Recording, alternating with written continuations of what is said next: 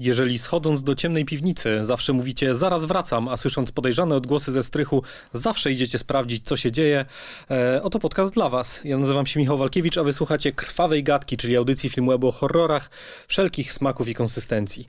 Mm, dzisiaj wielki dzień e, dla Was, ponieważ w komentarzach e, bardzo często prosiliście o bardzo określony, nawet nie film, ale o bardzo określony gatunek. E, I dzisiaj dobra wiadomość, porozmawiamy właśnie o tym gatunku. Mm, ten gatunek to found footage, czyli horrory paradokumentalne. Mm, no i żeby porozmawiać o tym, żeby wyciągnąć z tego tematu tak naprawdę jak najwięcej, e, ponownie przywitajcie się z Maćkiem Łuką. Cześć, dzień dobry. E, czyli naszym redaktorem działu wideo, który jest bardzo wyczulony na formę filmową i wydaje mi się, że jest to o tyle, o tyle sensowne dzisiaj, że o formie e. przede wszystkim będziemy mówić, no bo found footage to przede wszystkim forma. Będziemy dużo o niej mówić, na pewno. Dzięki jeszcze raz Michał za zaproszenie. Miłe jest zawsze oderwanie się od montażu, a ja jak zawsze jestem pod wrażeniem przeczytania twojego intra, a niezwykle aksamitnym głosem. tak. Intro mi się bardzo podoba. E, no i fajnie, że będziemy mówić o found footage, o found footage bo jest to bardzo ciekawy e, podgatunek, e, podgatunek horroru. Który też się dzieli na mnóstwo innych pod, tak. pod, podgatunków, o których też sobie powiemy, jakoś kontekstowo bardziej. Jasne. Mm, co do intra, dziękuję. W ogóle mam ten taki dziwny myk, że tuż po intrze od razu zmienia mi się głos na, na, na, na, bardziej mój, czego żałuję, bo chciałem to utrzymać w jakimś takim ciepłym, aksamitnym stylu wszystko, natomiast już się zorientowałem, że po prostu nie jest to możliwe. Nie byłbym sobą. E, słuchaj, wymyśliłem sobie taką e, konstrukcję. E, porozmawiałem sobie na początku troszkę o samym, o samym gatunku i o tym, jak wygląda nasza przygoda z nim, jeszcze bez wchodzenia w konkretne filmy. Jasne, super. Bardzo krótko. A potem zagramy w grę. W okay. grę zabawę grałem już w nią, więc, więc jest sprawdzona. W Dawaj. innej audycji, w innym medium e, lubię w nią grać. E, no jest to gra po prostu polegająca na robieniu sobie e, na bieżąco dziesiątki najlepszych filmów. Uu, ranking. Czy, czy, ranking, tak. Czy jakiegoś Brzmi reżysera. przednia zabawa.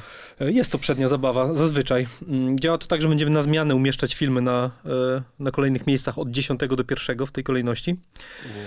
I wprowadza to element strategiczny. E, mówiąc brzydko, możemy się troszkę podsyrywać i zabierać sobie filmy, które chcieliśmy na przykład umieścić wyżej albo niżej, albo które w ogóle miały się według nas nie znaleźć na, e, na tej liście, więc myślę, że będzie zabawnie. Mm. Zwykle wygrywa coś, co nie miało prawa wygrać i jest to niemiarodajne zupełnie, ale... No hard feelings. E, no hard feelings. No i myślę, że chodzi też o to, żeby przy okazji tych filmów pogadać ogólnie o konwencji, bo myślę, że te filmy będą na tyle różnorodne, że, że jakoś sobie chwycimy całość tego, czym found, found footage jest, czym było i no właśnie, pytanie, czy, czym będzie, też chyba sobie zadamy, bo, bo troszkę ostatnio zniknęło z tego eee, filmowego horyzontu. Słuchaj, bardzo mnie cieszy, że wybrałeś e, taką formułę na omówienie tego. Ja mam e, dużą, dużą słabość do rankingów. Uwielbiam je układać. E, czasem nawet po prostu w swojej głowie dla samego siebie. Także no, oczywiście tych filmów found footage jest całe mnóstwo, no nie? I nie wszystko się na pewno zmieści tutaj na tę listę, no bo musielibyśmy siedzieć chyba przez 6-7 godzin i tak pewnie nie wyczerpalibyśmy tematu. Natomiast fajnie, no, zabawmy się w to. Chociaż ja byłem na przykład zaskoczony, jak niewiele jest bardzo dobrych. Tak. Wydawało mi się, że tak, będę tak, tak. wybierał tak. gdzieś tam swoją dziesiątkę czy piętnastkę z 40-50 filmów, a okazało się, że jest ich niewiele więcej tak naprawdę niż 15. Czy... Bo jest mnóstwo szrotów. Bo jest mnóstwo szrotów i chyba jest więcej szrotów niż tych wartościowych rzeczy. Jasne, pewnie, że tak. Mm, słuchaj, skoro lubisz e, gry zabawy, to może lubisz też quizy, e, bo mam pytanie do ciebie na Dawaj. rozgrzewkę. Czy wiesz, jaki był pierwszy film realizowany techniką found footage w historii kina? E, obstawiam, że był to Cannibal Holocaust 1980 roku. Wygrałem? E, e, nie wygrałeś? Nie, nie był to pierwszy, był to pierwszy horror, więc po części jest to prawdziwa, jest to prawdziwa, okay. jest to dobra odpowiedź. Natomiast pierwszym filmem był film The Connection. E, wow. To jest jakiś odlotowy film z lat 60., konkretnie z roku 60. 61 w reżyserii Shirley Clark. Jest to opowieść o mecie narkotykowej i w formie znalezionej taśmy dokumentalisty, który robił dokumenty o narkomanach. Wow. E, jest to e, no jakiś taki po prostu portret tego, e, quasi dokumentalny portret tego środowiska, co jest super ciekawe w kontekście jakichś takich właśnie prehistorycznych czasów dla, dla, okay. dla samej konwencji. Okej, okay, dobrze się to ogląda? Nie mam pojęcia, bo tego nie widziałem. To jest, to jest rzecz, o której przeczytałem dość, dość dużo, ale jestem bardzo ciekaw. Bo Cannibal Holocaust nie ogląda się dobrze. No nie, Cannibal, Cannibal Holocaust tak. Prawdziwa to jest, ramota. To jest, to jest ramota, to jest rok 80, no i to jest oczywiście ten shock factor, który do dziś chyba jest istotny mm, w tak, tym kinie tak, i tak. No w kontekście Cannibal Holocaust, który, który jest o, owiany niesławą do dziś. Dziś nawet chyba bardziej niż jeszcze 10-20 lat temu, bo przemoc wobec zwierząt to jest coś takiego, na czym się chyba bardzo, bardzo mocno wyczuliliśmy w ostatnich dekadach. Tak. I, I, z tej perspektywy ten film jest absolutnie nie do przyjęcia dzisiaj. Wiesz co, ja sobie odświeżyłem ten film przed e, naszym podcastem. Myślałem nawet, że będę o nim mówił, ale jednak e, zmieniłem zdanie, bo e, on się dla mnie nie sprawdził ani jako fan footage, ani, ani jako e, fajny, przynoszący Friday Gore. E, także po prostu e, opuszczę na ten film zasłonę miłosierdzia. Może to nie będzie brzmiało zbyt w moim stylu, ale no, ten film jest dosyć taki E, no, niepokojący moralnie, nie? To, co się tam dzieje i tak dalej, to, co wy, wyczyniają ci ludzie eksplorujący amazońską mhm. dżunglę. E, totalnie jakby odwet tubylców jest uzasadniony, e, no i może to tyle. Ja mam, wiesz co, taką teorię kontrowersyjną, że Green Hell w reżyserii Elegorota jest lepszym Cannibal Holocaust niż Cannibal Holocaust. Mhm. Tak, ktoś, o tak, zdecydowanie. Zdecydowanie tak, zgadzam się. I dostarcza, jeśli chodzi o gory, jeśli ktoś chce w te tubylczo-wyspiarskie klimaty wejść, to, to wydaje mi się, że to jest w te tradycje w ogóle, no bo Cannibal Holocaust to był też początek tradycji, mini tradycji horrorowej, to chyba to jest lepszy, lepszy punkt wejścia. Jasne. No dobra, słuchaj, ale to zanim, zanim jeszcze zaczniemy naszą wielką wylicz wyliczankę, e, pogadajmy może o samym e, fenomenie e, tego, tego gatunku, czy też podgatunku, no bo wydaje mi się, że e, jest o czym tutaj gadać. Mhm. Mm, to jest taki podgatunek o dosyć takich no, utwardzonych środkach wyrazu. To znaczy, oglądając film found footage, dokładnie wiemy, się, czego się możemy spodziewać, tak? Możemy się spodziewać roztrzęsionej kamery, słabe, shaky cam e, słabego oświetlenia, e, możemy się spodziewać niedoskonałego e, dźwięku, możemy się spodziewać grozy, która jest oparta nie na grozie, którą znamy z horrorów mm -hmm. z lat 70., tylko e, najczęściej na jumpscarach po prostu.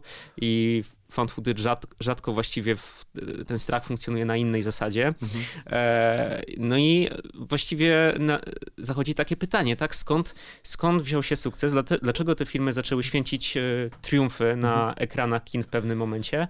No i skąd to się wzięło? Nie wiem, czy masz jakąś teorię na Wiesz co, mam teorię, jeszcze dorzucając do tych twoich wyznaczników stylu, to wydaje mi się, że taka figura, e, figura operatora przede wszystkim, który, która jest, funkcjonuje troszkę poza, poza konwencją, to znaczy musimy zawiesić niewiarę na tyle wysoko, tak. żeby przyjąć do wiadomości, że jest jakiś facet, który bez względu na wszystko e, będzie kręcił jasne, wszystko, co się dzieje, jasne. co w większości przypadków jest nieprawdopodobne, bo, bo każdy by albo rzucił kamerę, albo telefon e, to, i dawno by się pozbył gdzieś tej. To jest, to jest taki rodzaj umowności tak. e, tych filmów, z którą mamy do czynienia w kinie kopanym, na zasadzie dlaczego ktoś nie wyciągnie pistoletu i po prostu nie zacznie strzelać, no bo nie byłoby filmu, tak? E, tak. I, i, są filmy... I to wystarczy. W niektórych filmach sobie z tym radzą e, twórcy.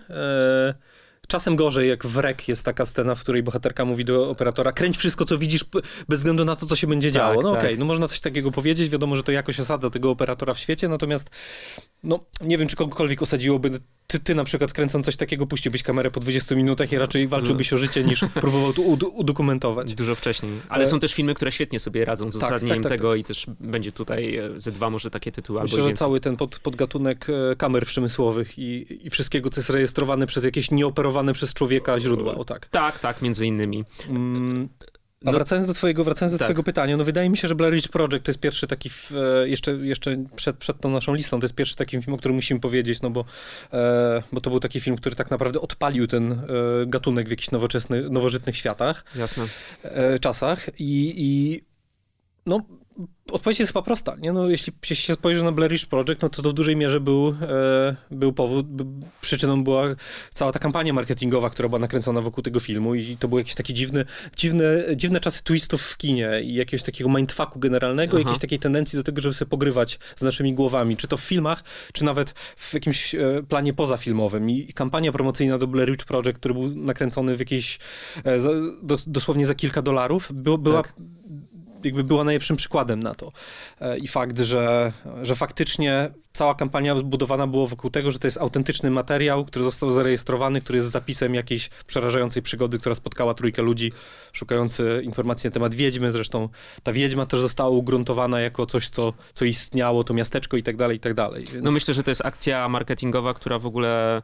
Yy przejdzie do historii. W, no chyba jedna z najważniejszych, najważniejszych w historii filmowego marketingu. No bo co, strona wiralowa, fałszywy tak. dokument wyemitowany na Sci-Fi Channel, o ile pamiętam, bardzo skrzętne ukrywanie od twórców głównych ról, no bo oni też by, ci bohaterowie byli przedstawiani jako prawdziwi, tak? Wszystko było prawdziwe. Taśmy były prawdziwe, bohaterowie, Wiedźma, Las i tak dalej. No więc myślę, że bardzo działało to na wyobraźnię widzów, ale ja też jeszcze wracając do swojego pytania, teraz ja sobie na nie odpowiem. E, wydaje mi się, że też myk polega na tym, że e, przynajmniej w przypadku horrorów, te filmy odarte z tej hollywoodzkiej jakości, nadające w tym takim dokumentalnym e, tonie, sprawiają, że my jesteśmy bardziej w tej sytuacji zagrożenia, jesteśmy bardziej w tych ekstremalnych sytuacjach. No, i tym samym, tym samym po prostu no, bardziej partycypujemy w tej grozie, tak? Mhm. Czyli te filmy działają e, trochę na zasadzie imersji, te filmy nas e, wciągają, e, sprawiają, że te straszne rzeczy są bardziej takie wpisane w tą fakturę, przez to, że ona jest taka chropowata, przez to, że jest taka reporterska, ale teraz chciałem powiedzieć o e, rzeczy, e, za które ja lubię ten podgatunek, no bo to jest ta warstwa, którą, e, te rzeczy, które teraz wymieniłem, e, ja się na niej średnio łapię, w sensie na mnie to średnio działa, natomiast bardzo lubię found footage na takim poziomie meta, tak? To znaczy, wydaje mi się, że ten sukces opiera się również na tym, że każdy z nas ma coś, ma coś w sobie z podglądacza, mhm. ma coś w sobie też z takiej dziecięcej potrzeby, albo miał kiedyś w swoim życiu, żeby coś zarejestrować kamerą, żeby coś zarejestrować telefonem i te filmy doskonale to oddają, no bo na czym to najczęściej polega. Po prostu ktoś ma e, dość prostą konsumencką kamerę, która jest lekka, która jest mobilna, może z nią biegać. Mhm. E, oczywiście wiadomo, że powinien ją dawno opuścić, żeby ratować swoje życie, ale z jakichś powodów tego nie robi. E, no i e, to, z czym mamy do czynienia, to jest jakieś takie e, też kreowanie tej rzeczywistości na naszych oczach i jednocześnie zabawa w tym kinem. I to jest dla mnie największa wartość mhm. fan footage. Wiesz co, ja jestem w ogóle zaskoczony, jak rzadko pojawia się w takich filmach e, motyw chciwości, jako jakiegoś takiego zapalnika motywacji bohaterów, bo to, co dobrze działa w kontekście filmowca, który nie opuszcza kamery z jakiegoś powodu, zwykle to, jest, to są pieniądze. King Aha. Kong jest takim sztandarowym przykładem, w którym mamy postać faceta, który kręci totalną grozę, ale kręci Aha. dlatego, bo, bo musi na niej zarobić, bo od tego zależy e, jego życie. Tak. A tego, tego rodzaju motywatoru nie ma, nie ma za dużo w tych filmach, co mnie zawsze dziwiło. Jest w kilku, natomiast to jest dla mnie taki e, autopilot, że rzucasz coś takiego i wszystko jest trochę sensowne. Wydaje mi się, tak. że poziom pieniędzy to jest taki poziom, na którym wszyscy byśmy się emocjonalnie spotkali, że być może dla dużych pieniędzy bylibyśmy w stanie kręcić okay, okay. resztkę naszego życia, końcówkę. Jasne, faktycznie to się nie pojawia.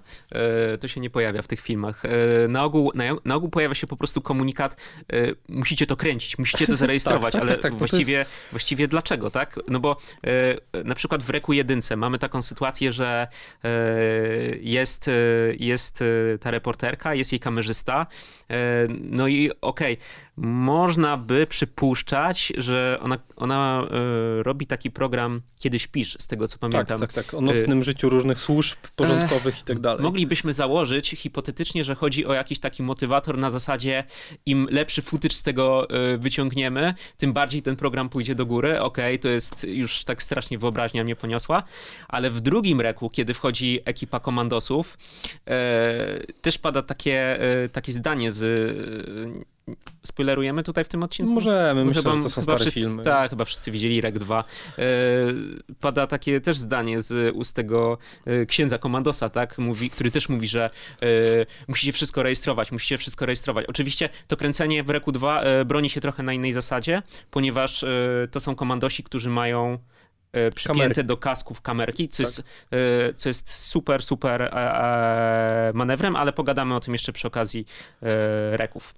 No, mhm. także to chyba tyle, co tytułem tego wstępu. E, ja jeszcze tylko dorzucił, że dla mnie na przykład takie rzeczy, które w horrorze zwykle są ukonstytuowane innymi środkami, typu ruch, nie? Aha. Ruch jakiejś emanacji zła. E, found footage dla mnie działa też zupełnie na innych zasadach i jest po prostu fajniejszy i ciekawszy, nie? Mhm. E, właśnie sam fakt, że na przykład bardzo często, jeśli się pokazuje jakąś emanację zła w horrorze, to ruch jest przedstawiony w ten sposób, że się wycina wycina na przykład klatki filmu, żeby ten ruch był bardziej połamany i żeby Aha. był bardziej taki skokowy. Tak, nie tak, wiem, tak, Ring tak. jest takim sztandarowym przykładem czegoś takiego, natomiast Okej. Found footage mi się podoba, że ten ruch jest zawsze, zawsze przeprowadzony od A do Z, no bo musi być, bo jesteśmy w czymś, co jest quasi dokumentalne i co musi pokazać pewne następstwo jakby zdarzeń, nie? Więc to jest dla mnie super i mnóstwo jest takich horrorowych patentów, które po prostu działają niby podobnie, a jednak, jednak ba bardzo inaczej w, w tej konwencji found footage'owej, więc dla mnie to zawsze było e, ciekawe. Jeszcze, wiesz to na koniec rzucę sobie taki, taką luźną uwagę, e, że found footage, jak chyba żaden inny podgatunek, e, nie ma w nim jakiejś takiej ciągłości historycznej, bo e, on jest po prostu odmierzany dużymi filmami, które coś zmieniały. Jasne. Mówiliśmy o Cannibal Holocaust, mówiliśmy o Blair Witch Project, Paranormal Activity, to jest rok 2007 i to był Mhm. te, też film, który wiele zmienił, no film, który zarobił nieprawdopodobnie duże pieniądze i tak naprawdę ten film dopiero ten film dopiero uruchomił tę nową falę filmów found footage, bo Tak. potem był REK, potem był cały wysyp tak naprawdę niskobudżetowych produkcji, które Mhm. pojawiały się w regularnej dystrybucji kinowej i które ten trend gdzieś e, które ten trend gdzieś kontynuowały, ale teraz chyba jest w miarę cicho e, i w, w- w miarę rzadko pojawiają się jakieś takie filmy, które z tego korzystają. E, powiedz mi jeszcze taką rzecz na koniec. Czy ty, e, czy ciebie na przykład boli głowy i jest, masz zmęczone oczy, kiedy oglądasz e, takie filmy? E, wiem, że to jest... Brzmi to błaho, ale jest to częsty problem, nie? I na przykład moja dziewczyna tego nienawidzi filmów found footage właśnie przez to, O, że nie jest w stanie się skupić na tego rodzaju e, zabawie obrazem, w której, e, w której, nie wiem, jest do tego stopnia e, kamera z ręki, w której, nie wiem, nie ma... s- Znaczy, stabiliz- Okej, jakikolwiek rodzaj stabilizacji kadru, czegoś takiego w ogóle nie wchodzi w grę, nie? Tylko to Mhm. jest cały czas próbuje naśladować czyjąś optykę, nie? Czy, czy podążać za czyją, czyjąś optyką. Okej, zastanawiam się, czy ten efekt nie jest wywołany trochę bardziej przez to, że e, często filmy found footage mają e, taki zabieg e, POV, point of view. To, to o czym mówisz, ja nie mam takich objawów, u siebie nie zaobserwowałem oglądając te filmy, natomiast to o czym mówisz przypomina mi trochę taką reakcję, jaką ja za dzieciaka miewałem grając w FPS-y. Mhm. E, po prostu ten e, patrzenie się z czyichś oczu i chodzenie naprzód po korytarzach wprawiała we mnie takie uczucie właśnie trochę zdezorientowania, może mdło, mdłości nie, ale może to jest coś na tej zasadzie. Natomiast nie zaobserwowałem u siebie, u siebie takich, e, takich objawów. Dobrze, Czyli... czyli, to bardzo ciekawe. czyli horrory found footage istnieją, ale nie zrobią nam krzywdy. O nie, tak. E, zdecydowanie. O tej perspektywie zresztą i gdzie dokładnie jest kamera sobie jeszcze, e, mam nadzieję, porozmawiamy. No pewnie.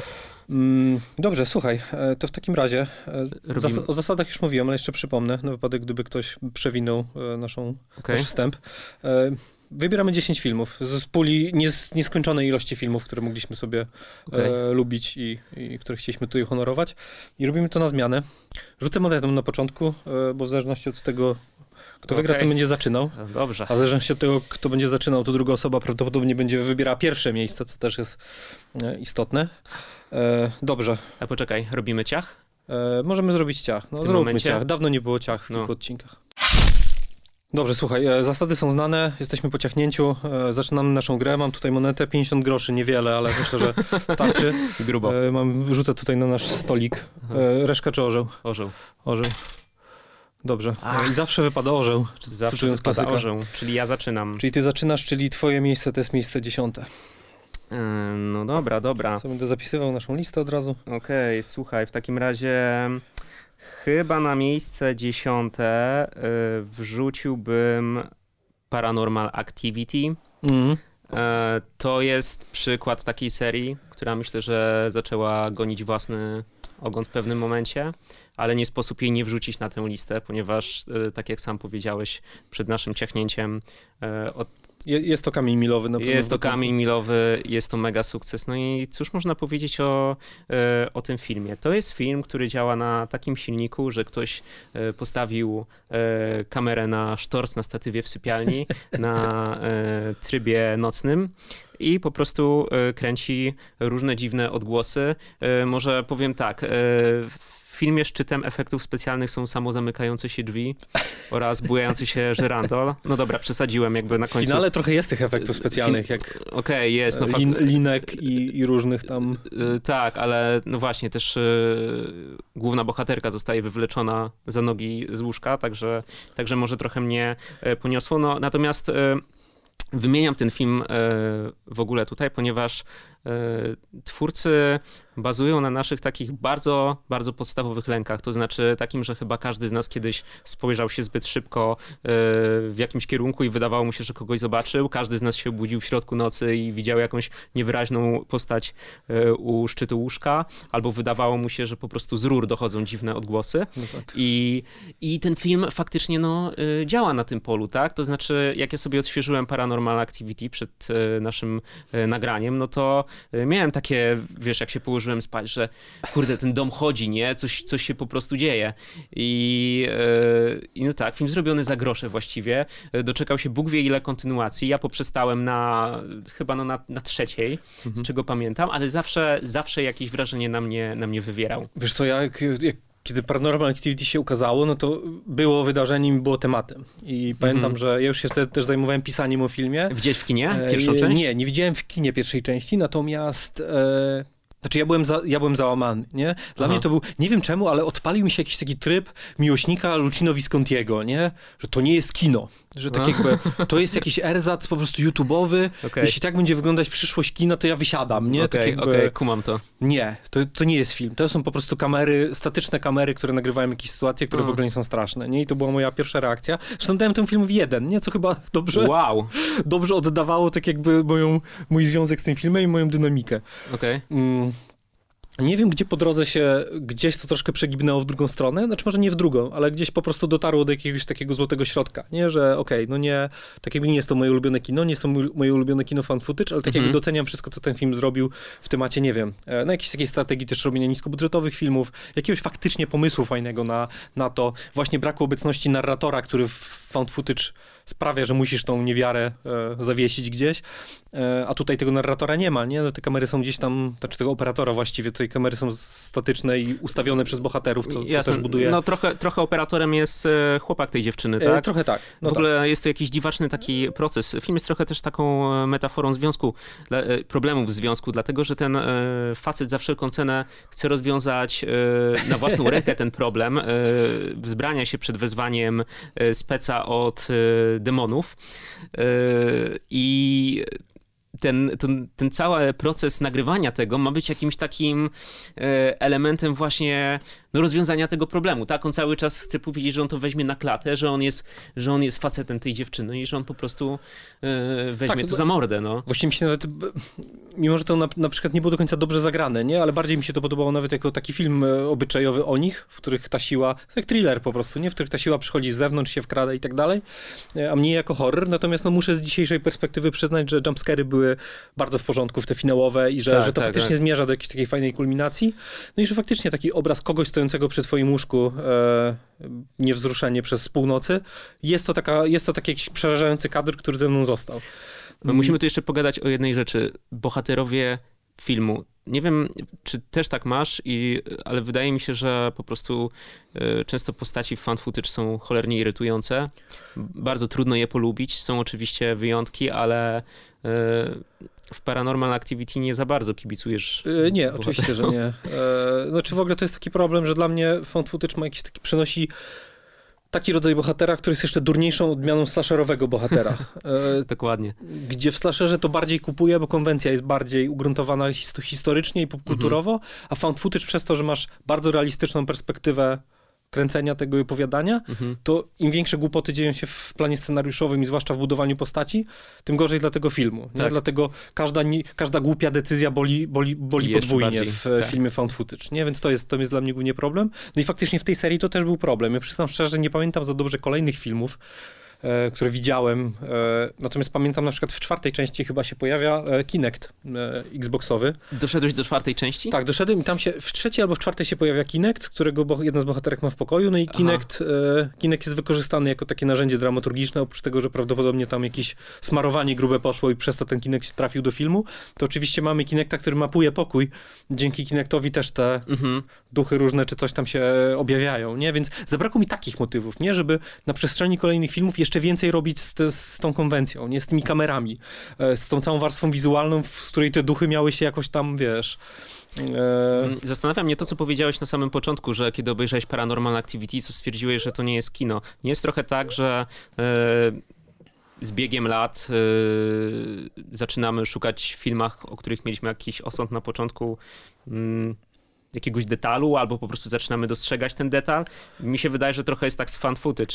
E, ja tak miałem z Blair Witch Project, może jeszcze będę miał okazję o tym powiedzieć, e, ale no nie wiem, jakoś bardziej analizujemy tych, te filmy, do, które mhm. łatwo osądziliśmy, tak? Właśnie pod takim na przykład kątem, że to nie jest kino. Mhm. No tak, znaczy ten, e, na pewno nie myślałem o tym aspekcie, o którym powiedziałeś, czyli tym wojerystycznym, nie? Że, że bardzo lubimy podglądać i film, który jakby eksponuje ten, tę potrzebę podglądania i wojeryzmu i tak dalej, to automatycznie jest bliżej kina niż cokolwiek innego, nie? I to jest, faktycznie, jak dzisiaj sobie myślę o Paranormal Activity, to myślę cieplej. Nie wiem, czy w ogóle zmieniłem tę ocenę tak naprawdę do dziś na Filmwebie. Może zmienię po prostu po tym, e, po tym podcaście, natomiast no wtedy, wtedy pamiętam tak, że byłem załamany, nie? I to, to, też nie było tak, że wyszedłem akurat z Feliniego, tylko że tak jakby też w skali horroru to było dla mnie coś nie do przyjęcia, że, e, że po prostu, e, nie wiem, może, może w, w ludzkiej naturze jest coś takiego, że jeśli ktoś coś robi za 5 groszy i potem zarabia 100 miliardów dolarów, to, to pojawia się jakiś wewnętrzny hmm. opór hmm. i pojawia się to dziwaczne kryterium, które przykładamy czasem do sztuki, czyli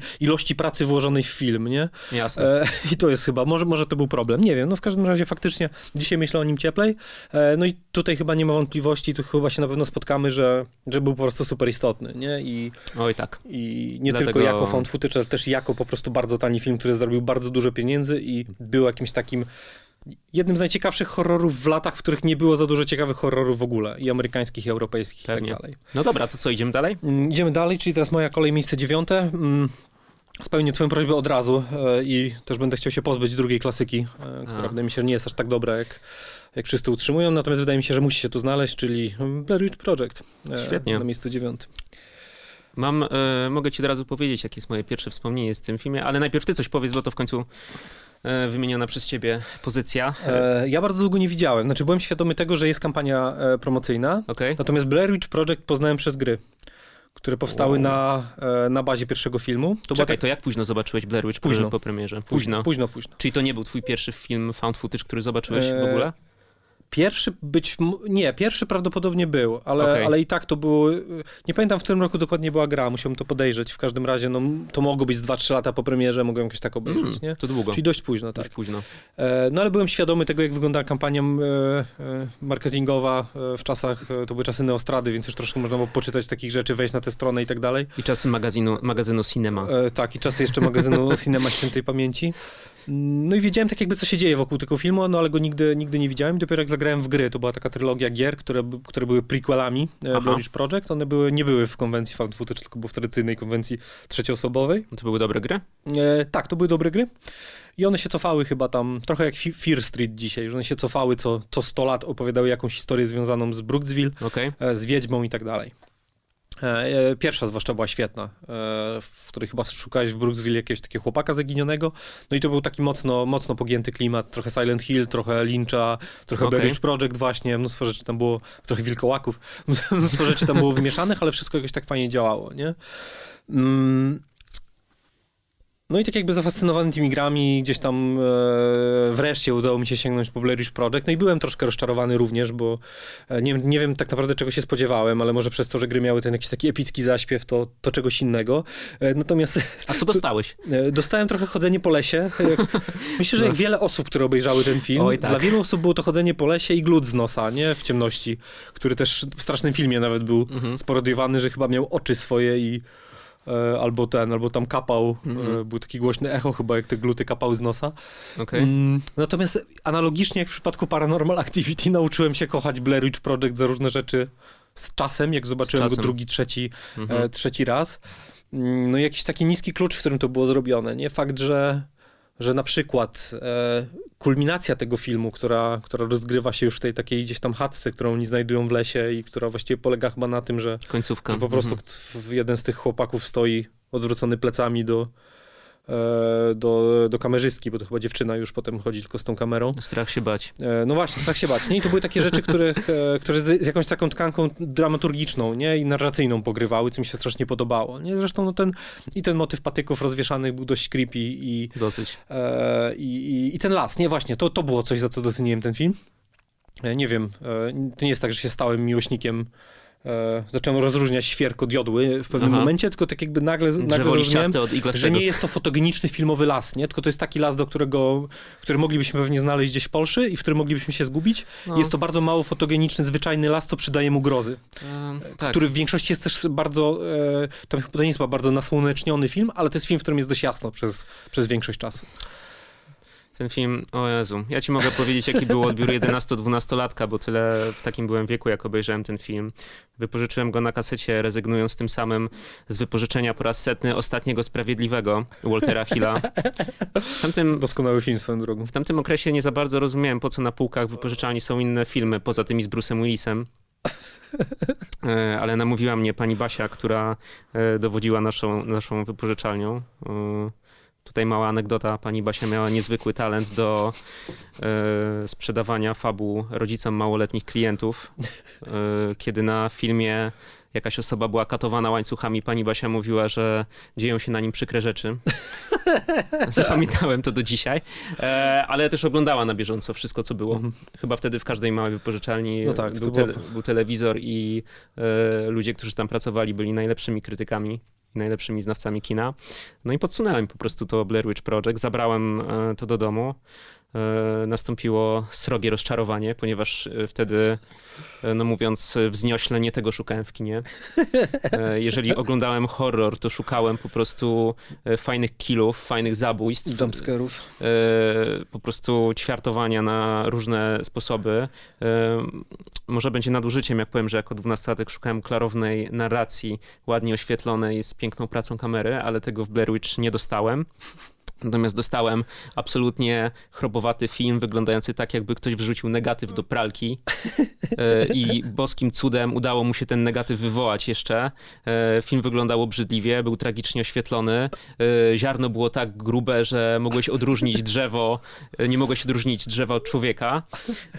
Bohaterowie byli absolutnie do kitu, wszyscy, cała trójka, no nie, po prostu potwornie cię denerwowali.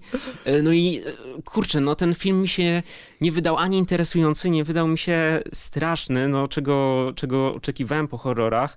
E, Może w dwóch momentach, ale wiesz, no chyba bardziej by na mnie to zrobiło wrażenie, e, gdybym był w kinie. Natomiast oczywiście e, wracałem do Blair Witch jeszcze nie raz z różnych względów i no, dojrzałem jako widz. Zacząłem jakby bardziej... No, nauczyłeś się doceniać beznadziejne oświetlenie w filmach. Tak, oczywiście, że tak. Dlatego, że wiecie, no to jest trochę tak. e, Filmy found footage mają sprawić wrażenie, że wszystko jest improwizowane, wszystko jest niedoskonałe. Jest oczywiście zupełnie odwrotnie, tak? Wszystko jest doskonale przemyślane. Jest, bywa oczywiście trochę scen e, improwizowanych, natomiast to, jak pracuje kamera, to nie jest, to nie jest dzieło przypadku, tak? To nie jest No tak, tak, że, tak. że to po prostu chaotycznie działa. Dokładnie w tym momencie, kiedy, kiedy mamy coś zobaczyć, to się ukazuje i można wręcz powiedzieć, że jest to jakiś rodzaj maestrii operatorskiej, że, y, że jest to nakręcone w taki sposób, który przypomina jakiegoś rodzaju amatorkę, no a jednak w kadrze znajdują się w poszczególnych y, timekodach te rzeczy, które my musimy po prostu zobaczyć. E, A poza tym, y, to co doceniłem też po latach, to że no jednak y, jest ten gro- rodzaj grozy związany z tym, y, czego nie widać, tak? Coś, co, coś, co słyszymy, y, coś, co działa na naszą wyobraźnię poprzez tą historię o Wiedźmie i, i też taki rodzaj grozy, który wynika z, te, z tych wszystkich patyków, które, które wiszą. Więc no, po latach Blair Witch mnie wciągnął i doceniłem go bardzo, choć wciąż w moich zestawieniach ten, ten film nie, nie plasuje się jakoś y, bardzo wysoko. E, No ja go tutaj troszkę wrzucam z, z, z grzeczności i z tego, że powinien się to Jasne. znaleźć, e, bo jest, bo jest też super istotny, e, ale dlatego też tak nisko. O sequelu chyba nie chcę nic mówić, bo był tragiczny. To było Book of Shadows, to się nazywało i było tradycyjnym filmem, o tak. Mhm. Natomiast chętnie bym pogadał o remake'u. Nie wiem, czy ty widziałeś remake Adama Wingarda. Widziałem, tak. No, Jak, jak wrażenia? Bo to była chyba. Mm, znaczy, strasznie mi się podobał pomysł na to, No. Pomysł na, e, na to, żeby ten remake powstał i faktycznie połączenie tego z Wingardem, który miał fajne filmy na koncie aha. e, i wplecenie do tego jakiegoś takiego wątku nowych technologii, który musiał się pojawić, bo No tak, no, jest, nowe mamy taki rok, jaki mamy. nowe technologie oczywiście są, bohaterowie mają e, lepsze kamery, mają, Mają DSL, drona. chyba mają też. drona, mają DSLR-y, czyli, czyli lustrzanki, tak, którymi kręcą mnóstwo mikrofonów i Bóg wie czego, natomiast jak dla mnie ten film jest odtwórczy, fajnie, że poznajemy taki większy background tej no jest więcej z genezy i więcej z mitologii samej. Tak, nie? samej mitologii i to było super, natomiast y, cała reszta wydaje mi się taka dosyć, dosyć odtwórcza, więc ten film ani nie zapadł mi w pamięć, ani jakoś nie sprawił, że y, bardziej pokochałem całą historię. Chociaż e, o ironię to jest chyba film, który spełniłby twoje potrzeby, gdyby powstał wtedy jak miałeś 11 czy 12 lat, tak. bo jest w nim dużo e, jakichś takich krwawych atrakcji. Jest też jeden przepiękny e, kill, którego nie zaspoilujemy, natomiast jest tak. chyba powodem, dla którego warto ten film zobaczyć. No i cały ten finał, w którym jest, nie wiem, to nie jest dobry film, natomiast imponował mi wieloma rzeczami i, i też zaimponował mi jakąś taką robotą scen scenograficzną w, w, finale. Bo finał też się rozgrywa w domku, e, okay. się chyba pojawia w ogóle Wiedźma, e, Wiedźma z Blair, e, natomiast jest to Mm, jest to jakiś, jakiś, nie wiem, jakiś szczyt, jakieś arcydzieło tego, ile można drapać jakiś y, cyzelować jakiś brud na ścianie i, i, po prostu robić, zamieniać ten domek w przestrzeń z jakiegoś takiego e, prawdziwe, z prawdziwego koszmaru po prostu. Detale, no, detale. detale. I, I, pod tym względem jest super, natomiast e, no wydaje mi się, że to jest martwa seria po prostu. Wiem, jeszcze była gra w Blobber Studio, czyli e, Berridge Project, chyba Blobbera. E, mam nadzieję, że się nie machnąłem, ale jeśli się machnąłem, to chłopaki mi wybaczą, bo czyli robią same horrory. nie czujesz potrzeby zobaczenia kolejnej kontynuacji? Nie, no myślę, że to jest martwa marka, nie? Okej. Okay. Mm, Pewnie fajną, bardzo, bardzo, bardzo dobrą grę bym chciał zobaczyć. Ta ostatnia nie była, e, nie była dobra. Mhm. E... No to co, zostanie nam las. Łażenie z psem po lesie. To jest Ukraiński dziwny, dziwny albo białoruski las. E, tak, tak, to wyglądało. E... No to nie jest las zostaje... z Antychrysta. To nie jest las z Antychrysta. E, no i zostaje film, który, który tak jak mówię, no jest istotny, jest, jest fajnie go zobaczyć, fajnie zobaczyć jak, jak to wszystko się zaczęło w nowożytnych czasach, natomiast wciąż nie jest to, nie jest to film, który zasługuje chyba na wyższą lokatę. Okej, okay, no to co? Ósemeczka.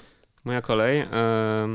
Teraz bardzo mocna pozycja, bardzo interesujący film o interesującym tytule, czyli Człowiek pogryz psa. I tu będzie największy twist tego programu. Nie widziałem tego filmu. Okej. Okay. Z, przyjemnością ci, z przyjemnością ci o nim... Znam też jego status tak jakby, ale nie, nie udało mi się nigdy obejrzeć. Jest to absolutnie szalony, pokręcony film. E, jeden z tych chyba, o których się mówi, że e, dzisiaj by już nie powstał, co jest e, całkiem dobrą reklamą rodzaj dokumentu nakręcony w czerni i bieli.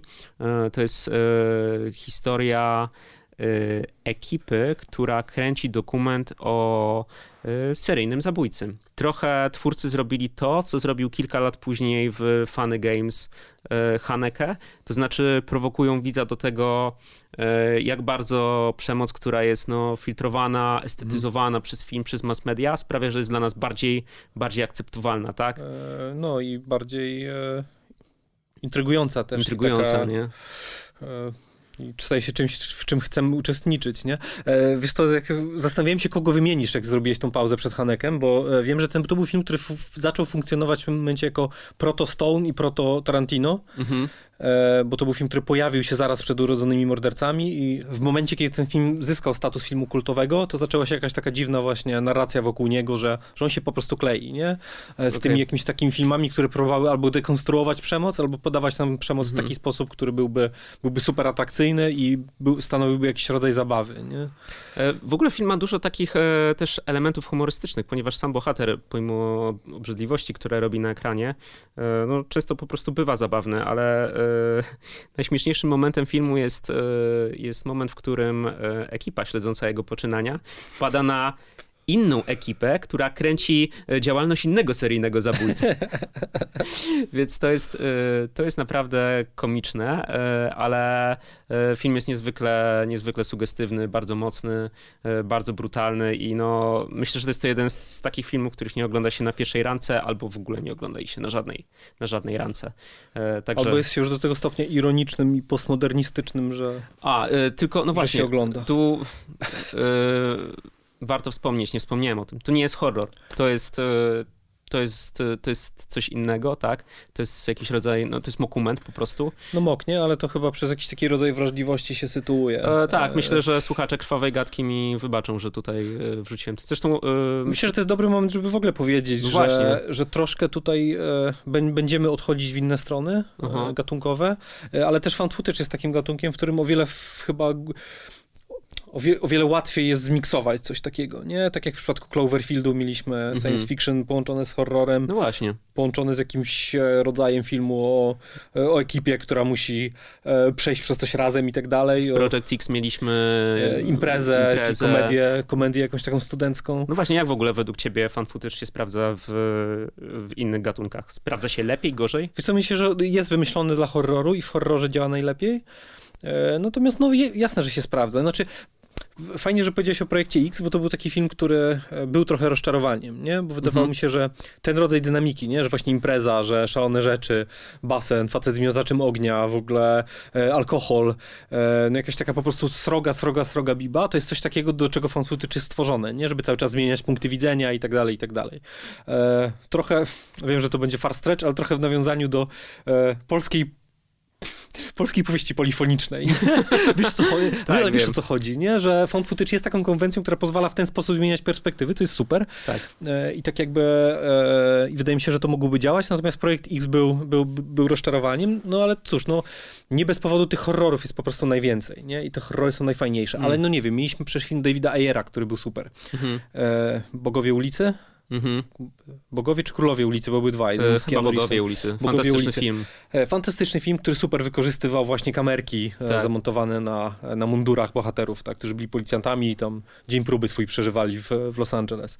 E, ja bardzo lubię w tym, jak na przykład found footage łączy się z science fiction, to, to kiedy widzisz jakiś element, który powinien się zna znaleźć z porządku kina wielkobudżetowego w takiej formule, tak? To znaczy, załóżmy, że masz jakiś, jakiegoś super dużego, wypasionego stwora, który w filmie e, wysokobudżetowym, nakręconym po Bożemu byłby, e, byłby sfilmowany super szerokokątnym obiektywem w 8K, tak, tak, tak. a tutaj jest sprowadzone do tej reporters reporterskiej kamery albo kamery, która udaje reporterską kamerę Euh, tak jak w przypadku właśnie Cloverfielda, gdzie tych kamer jest naprawdę sporo, tylko potem w korekcji barwnej wszystko jest tak sprowadzone do, e, do parteru.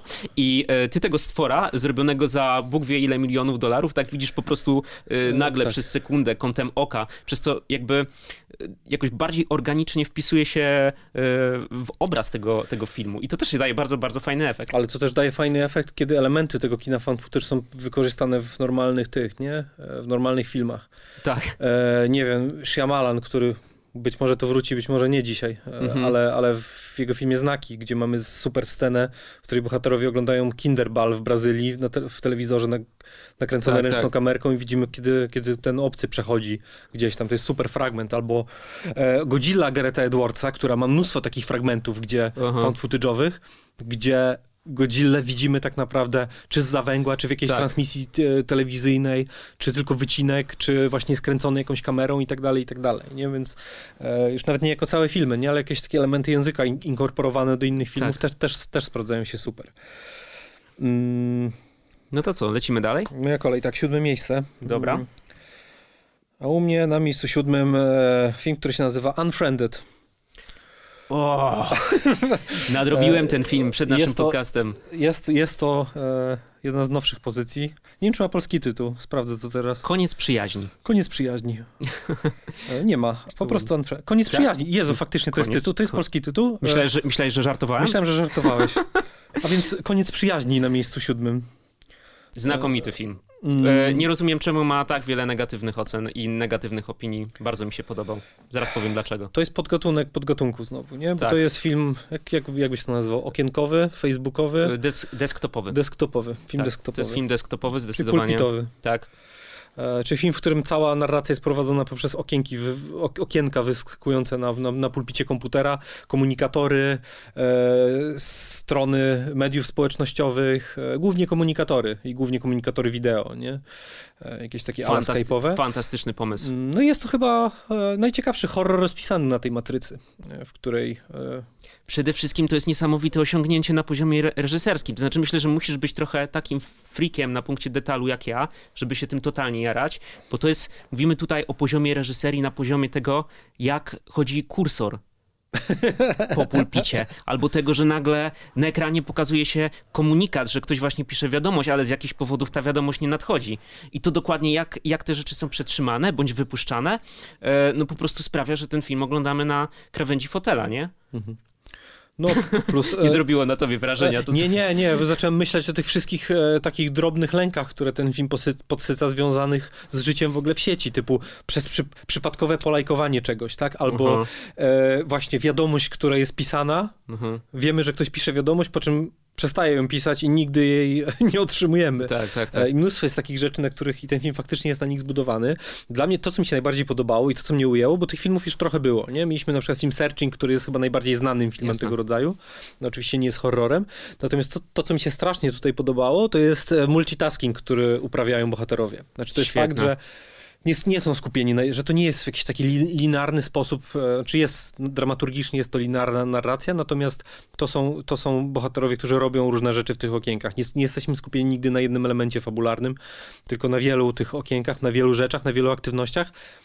Jest to wiarygodne, jest to realistyczne, buduje to buduje to też charakter tych postaci, które oczywiście są definiowane przez dialogi, przez to, czego się dowiadujemy w jakiejś żywej interakcji, ale też są definiowane przez to, jak, jak korzystają z komputera po mhm. prostu, tak? W jaki sposób i tak dalej, na co wchodzą.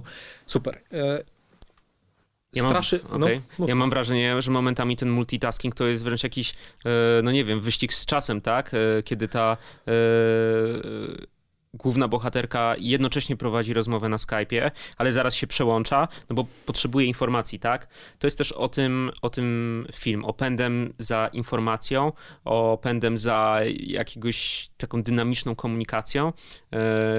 To jest film, który dużo nam mówi e, w ogóle o no, o mediach społecznościowych, tak, stara się stawiać e, mhm. jakąś taką diagnozę. E, filmy fan footage, twórcy filmów fan footage często mają w ogóle taką tendencję, zwłaszcza jeśli chodzi o social media, żeby no, stawiać jakąś taką diagnozę, tak? Najczęściej no, niekorzystną dla, te, dla, no tego, tak, dla, dla tego świata. I e, może nie do końca e, o tym jest Unfriended, e, ale to jeszcze o czym chciałem powiedzieć, że pomijając tę warstwę desktopową, e, ten film jest też świetnym takim, no, no nie wiem, no, takim co, slasherem? Trochę tak. No, punkt, punkt wyjścia jest taki, że mamy dziewczynę, która tak, zostaje no ośmieszona i, i, rok później chyba e, inni bohaterowie, jej przyjaciele e, Mhm. Kiedy zostaje ośmie, ośmieszona i popełnia samobójstwo. I, popełnia samobójstwo, i rok tak. później jej przyjaciele dostają od niej wiadomość tak, z, z zagrobu. E, no i siła, która jest tutaj straszakiem, jest jakiś, ma jakiś nadnaturalny charakter, jest, jest to jakaś spirytualistyczna siła. Tak. E, no i w, kurczę, no ja byłem na przykład, nie wiem, i, i, i jumpscary, jakiś rodzaj takiej egzystencjalnej grozy i fakt, że to wszystko płynie z tych okienek i że jest przez ten język przefiltrowany i da się to w tym języku zrobić. No, to, że się da zrobić fajny jumpscare z kamerki internetowej, e, to jest dość oczywiste, bo Aha. to jest też bardzo specyficzna perspektywa, która potrafi, może być dość przerażająca, nie? Zwłaszcza jak się w taki fajny sposób, jak w tym filmie eksponuje tło, nie? I, mhm. jakiś, jakiś dalszy plan, który jest za bohaterami, do którym mogą się dziać różne rzeczy, a bohaterowie tego nie widzą, nie? I już to samo w sobie jest, jest super, super przerażające. Ale też świetne wykorzystanie takich e, gliczy, lagów. Tak, tak, tak, tak. E, które stanowią jakiś rodzaj takiego e, preludium do danego zabójstwa i potrafią na przykład no, szatkować tą, tą, to, to, dane zabójstwo, tak? Że my po prostu nie wiemy, czy co się wydarzyło, co się zaraz stanie i dajemy tak, y, dostajemy takie szczątki informacji, co wprowadza w przerażenie i bohaterów, i e, nas widzów, no. E, co jeszcze można powiedzieć o tym filmie? E, kurczę. E, nie wiem. Ja mogę powiedzieć tyle, że miał sequel, który... O, nie widziałem, no. Który no właśnie, to jest też to, że ten, e, wydaje mi się, że ta pierwsza część podrzuca dość ciekawy, ciekawą matrycę, w której możesz naprawdę różne historie opowiadać w, e, o mediach społecznościowych, generalnie o sieci, nie? Jakieś takie, nie mówię, żeby od razu kleić z nich antologię grozy, natomiast e, na przykład sequel jest historią dzieciaków, które wpadają do dark webu mhm. i za, zaczynają być śledzeni przez jedną jakąś tajemniczą figurę tam, już na miejscu, nie? Okay. Przez jakiegoś takiego stalkera internetowego. No i to jest zupełnie inny punkt wyjścia niż w jedynce, nie? Jakby sam fakt, że możesz wykorzystać te konwencje, ale możesz tak jakby nie uderzać ten sam bębenek fabularnie. Jasne. Jest super fajny, nie? I, i mm, no nie wiem, no wydaje mi się, że to jest taki film, który bardzo łatwo przeoczyć, y, zwłaszcza kiedy sukces odnoszą takie filmy jak Searching, które są oczywiście bardziej znane, mają gwiazdę, czy może nie gwiazdę, no John, John, John Cho nie jest, nie jest gwiazdą, natomiast jest znanym aktorem, ale wydaje mi się, że też warto zwrócić uwagę na te filmy, które gdzieś przechodzą pod, pod radarem, bo e, bo w przypadku takich filmów jak Unfriended to po prostu, e, no to jest, to jest po prostu dobry horror, nie? Jeden z lepszych filmów found footage i wydaje mi się, że jeden z najlepszych filmów, które, które w tym pulpitowym e, stylu zostały opowiedziane. Jesteśmy chyba odosobnieni e, w tej opinii. E, tak mi się wydaje. E, Właśnie znaczy mniejszości zerknę chyba. sobie, wiesz co, nawet na Filmwebową teraz. No ciekaw jestem, bo znaczy Jest nie, pięć, pi, ocena jest 5,6 na Filmwebie. nie jest E, za super wysoka, ale nie jest też super e, niska. Film ma też Mm, drugi gorszy tytuł. E, Dawaj. Nazywa się Cybernatural. O kurczę, poważnie. Nazywa się Cyber- Cybernatural, natomiast... Brzmi jak tytuł e, jakiejś gry komputerowej z lat Natomiast jego 90. pierwotny tytuł, którego użyliśmy tutaj, e, nawet nie wiedziałem, że ten tytuł już się nie... Już nie jest tytułem, nazywa się właśnie Unfriended. Okej. E, dobrze, e, teraz nawet patrzę, że jest do obejrzenia na Netflixie. Ale nie wiem, czy polskim. Dobra, nieistotne, bo już zaczynam się jakieś, e, jakimiś bzdurami zajmować, e, a mamy tutaj szóste miejsce do, e, do wrzucenia. Szóste miejsce, no dobrze, no to może wymienię tutaj nieduży australijski film Lake Mango. U. To jest e, również rodzaj dokumentu, który łączy ze sobą e, horror, ale horror dokument, łączy, łączy elementy e, found footage, ale przede wszystkim 90 e, albo 95% filmu to są gadające głowy, które prowadzą narrację, no ale ale o dziwo to działa i kurde, film jest naprawdę straszny, robi wrażenie. To jest jeden z tych filmów, gdzie e, twórcy w pewnym momencie pokazują nam fotografię, e, zoomują e, na jakiś jej obszar i mówią, patrzcie, tu jest, tu jest smuga, nie? Smuga cienia w ogóle i ktoś tam stoi. Mm, No i to jest super. To jest historia dziewczyny, która, która utopiła się w jeziorze Mango w niewyjaśnionych jakichś no, okolicznościach. Te gadające głowy to są oczywiście, yy, to jest jej rodzina, to są jacyś świadkowie, to jest medium, które zostaje zaangażowane w wyjaśnienie dziwnych zjawisk, które zachodzą yy, w domu tej rodziny. Yy, no i nie wiem, tak zastanawia mnie to, czy widziałeś Lake Mango? Nie, nie widziałem. Nie widziałeś, okej. Zastanawia mnie, czy, czy, czy również na, na innych to działa, no bo e, to jest naprawdę film, który głównie się opiera na tym, e, nie że coś, wiesz, wyskakuje, może poza e, finałem, tylko na tym, że po prostu ktoś ci streszcza historię. Mhm. I okazuje się, że, że naprawdę można to zrobić w taki sposób, żeby, żebyś się bał, Ale nie? to jest bardziej thrillerowy klimat, czy bardziej horrorowy, jeśli chodzi o tę historię, która jest opowiadana wewnątrz? Bo to też jest chyba jakaś taka rzecz e, na granicy, nie? No trochę na granicy, ale biorąc pod uwagę chyba, chyba, jednak, e, chyba jednak jest to horrorowe. W ogóle w środku filmu jest bardzo e, ciekawy zwrot. E,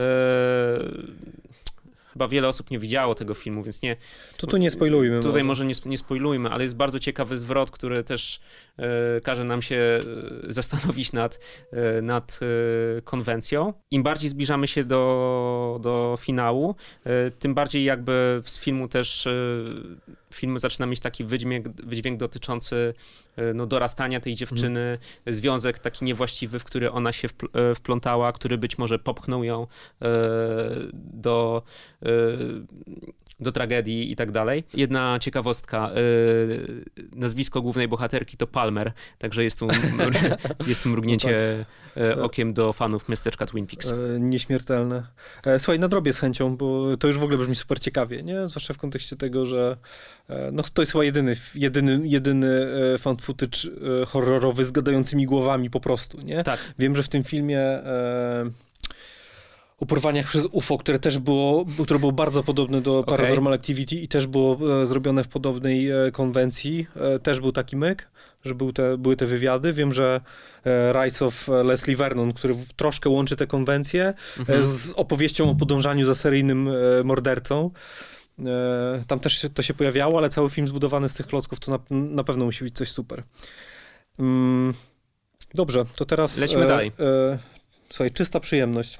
Na miejscu piątym Dziwak. Dwa. O, dwójka, jednak tak, dam, dwójka. dam dwójkę jednak, ale o Okej. tym dlaczego dwójkę, e, to za chwilę. Y, czy, Dziwak, Dziwak 2. y, dobra, zanim, zanim zaczniemy, czy sobie ustalamy, że w takim razie mamy odhaczoną sprawę dziwaka, czy jeszcze zostaje nam w za- w zapasie jedynka? Nie, ja bym, ja bym odhaczył sprawę Odha- Dziwaka, żeby nie, odhaczamy. zamie- nie zabierać powietrza innym filmom. Dobrze, dobrze. E, Może Zróbmy po prostu Dziwak 1 plus 2, o tak. E, Warto, warto tu chyba wspomnieć, że to jest film, który e, no, cieszy się niezwykłą sympatią w naszej redakcji, nie? Tak. Kiedy tak, miałeś tak, tak. okazję go obejrzeć? E, wiesz co, on był chyba, e, znowu, chyba, chyba to był Netflix, e, ale pamiętam, że zobaczyłem go dość, dość szybko, jak tylko się pojawił i dwójkę też obejrzałem od razu, bo już wiedziałem po jedynce, mm. że to jest mm. absolutny must see. Okay. Jak powiedziałeś o tym, że się cieszy estymą u nas w redakcji, to automatycznie zacząłem sprawdzać, jaką, jaką się cieszy estymą na Filmwebie. Jeszcze się okaże, że jestem w błędzie. Klasyczną, czyli z 5-8. Czyli to jest. Naprawdę? Tak, ale też na przykład ma, ma 12 ocen krytyków i średnia ocen krytyków to jest 6,4. Oh my god. Czyli jest bardzo nisko. Czemu? Co czyni z nas dziwaków. To jest świetny film. Dwójka, dwójka ma lepsze oceny. 6-8 u krytyków i, i prawie 6 u czemu tak się dzieje. E, to jest film, który polecił mi nasz e, kochany wydawca Krzysztof Michałowski, ponieważ nasze gusta się e, bardzo często pokrywają, no to postanowiłem go jak najszybciej nadrobić. No i zupełnie się nie zawiodłem, przede wszystkim ze względu na fantastyczną rolę Marka Dipla. No ale powiedz ty coś więcej i powiedz, czemu dwójka, a nie jedynka? E a więc dziwak, Mark Dipla, który gra tytułowego dziwaka, który staje się bohaterem dokumentu mhm. kręconego przez, w pierwszej części to jest chyba youtuber, z tego co pamiętam. Ona jest chyba Ona jest youtuberką, youtuberką a, on drugi... jest, a on jest po prostu jest... kamerzystą, tak. który się e, bierze tak, tak. zlecenia. E, tak. E, no i tak jakby w, e, Mark Dupla na przestrzeni tych dwóch filmów odsłania całą swoją dziwność w całej, w całej skali przed tymi bohaterami. Mm, tak, ale czy odsłania w 100% jest, nie wiadomo. E, nie będę, nie, będę, nie będę spoilował poszczególnych filmów, natomiast główny twist, który, który zachodzi pomiędzy tymi filmami jest taki, że e, o ile w pierwszej części ten kamerzysta, czyli ten, ten bohater, z którym mamy się utożsamić, jest bardziej e, pasywną bardziej pasywną postacią, jest absolutnie osaczony w, mhm. przez, przez Marka Dipla. To, co mi się podobało w drugiej, to jest e, rozbudowanie formuły, która wydawała mi się dość nierozbudowywalna już. No, okay. Ponieważ pierwszy film jest tak gęsty, tak mocno bazuje na zderzeniu tych postaci i tak mocno bazuje na nieprawdopodobnej ekranowej charyzmie Dipla, który w roli, e, w roli po prostu dziwaka jest tego się nawet nie da opisać słowami, to Właśnie co on robi. Nie da, znaczy, nie da. Ma tak pięknie napisane sceny niektóre, e, kiedy jest dziwny siedząc w wannie, dziwny chodząc na wycieczki piesze, jest dziwny, dziwny sposób, w który się zwraca do ludzi, dziwny jest jego język ciała. Dziwny jest to, co robi z twarzą. Dziwny jest to, co robi z twarzą. E, Mark, znaczy, Mark Dipla urodził się po to, żeby zagrać dziwaka. E, tak, to prawda. E, jest to jego zdecydowanie najlepsza rola i moja ulubiona rola w jego, w jego karierze. E, natomiast e, to, co mi się podoba w drugiej części, to jest odwrócenie wektorów, że że, że ta, ta postać, która pojawia się w życiu tego bohatera, okazuje się absolutnie dziką siłą, która zupełnie zmienia dynamikę. Trafiła kosa na kamień. E, trafiła kosa na kamień trochę. E, też jakoś ta stylówka z brodą Marka Dipla w dwójce jest bardziej przerażająca dla mnie. Tak, bo on ma, on ma e, ta broda to jest jego kryzys w jego, działal, w jego działalności, tak. tak? On się po prostu zapuścił. Zresztą Dziwaka 2 otwiera scena takiego zabójstwa, ale takiego zrobionego na autopilocie, nie przynoszącego w ogóle żadnej satysfakcji, tak. żadnej satysfakcji, tak? No i brakuje jakiegoś takiego bodźca, który by spowodował, że ta e, specyficzna działalność e, dziwaka posunie się do przodu, no ale e, no cóż, znajduje się główna e, bohaterka, jak się okazuje, ona jest niezłym motorem napędowym. Złym dziwakiem. W ogóle dwójka ma tak dużo różnych fantastycznych zwrotów. Ta dziewczyna jest tak absolutnie absolutnie kapitalna i w ogóle na pewnym etapie filmu zaczyna tworzyć jakieś takie nawet mam wrażenie, takie szalone duo z tym, e, z tym creepem. Tak, i dochodzi właśnie do tego wątek YouTube'a, który w dwójce jest też bardzo fajnie tak. jej YouTube'owego rodowodu. Tak, tak, tak. Ona, ma, ona też ma... Ona ma kanał swój. Ona ma swój kanał, ale też ma problem z, fol z followersami, z tym, żeby to zatrybiło, zażarło, nie? E, I to jest bardzo dobra motywacja dla found footage, moim zdaniem. To jest trochę tak, jak tak. mówiłem o pieniądzach, nie? Że tak, tak, tak. E, taki e, facet jak Joseph, czyli jak dziwak, jest dla niej absolutną żyłą złota mhm. E, YouTube'ową i tak jakby też nigdy nie miałem problemów z tym, żeby uwierzyć, że, że ta bohaterka jest w stanie iść na całość, mhm. żeby wyciągnąć z tego materiału jak najwięcej. E, no i nie wiem, no wydaje mi się, że to po prostu jest mm, ten film też zyskuje dzięki temu, że bardzo dużo wiemy Aha. tak naprawdę o, tej, o tym bohaterze i Mark Dupla już może się absolutnie roztopić w tych, no właśnie, najróżniejszych dziwactwach i najróżniejszych szaleństwach, które, które zostają podrzucone przez scenariusz, nie? E, zwłaszcza w momencie, kiedy do, ten, ten bohater zostaje mu dopisany ten kryzys, no to już jest taka przestrzeń, w której, w której on naprawdę może czarować w tym i, i robić coś super fajnego, jeśli chodzi o właśnie jakiś rodzaj demoniczności, dziwności, psychopatii, ale nie takiej oczywistej, filmowej, fotogenicznej, tylko e, no creep, w ogóle ten tytuł, creep. E, Okej, okay, dziwak, dziwak to jest dobre tłumaczenie, natomiast Creep niesie za sobą więcej konotacji i to jest, e, i dla mnie to jest, to jest kwintesencja tego filmu. To jest idealny Mhm. tytuł po prostu tego filmu i do tej postaci. I dla mnie Mark Dupla wszędzie, wiem, że grał świ- różne świetne role, nie wiem, w The Prawda. Morning Show i tak dalej. O, tak. Nie jestem w stanie wyrzucić sobie jego w- wizerunku z tego filmu, ilekroć na niego patrzę w każdym innym filmie albo w serialu. Tak, o tym się po prostu nie da zapomnieć. E, Moje ulubione momenty z Creepa to są te, kiedy bohater w bardzo, bardzo dziwaczny sposób postanawia uciec.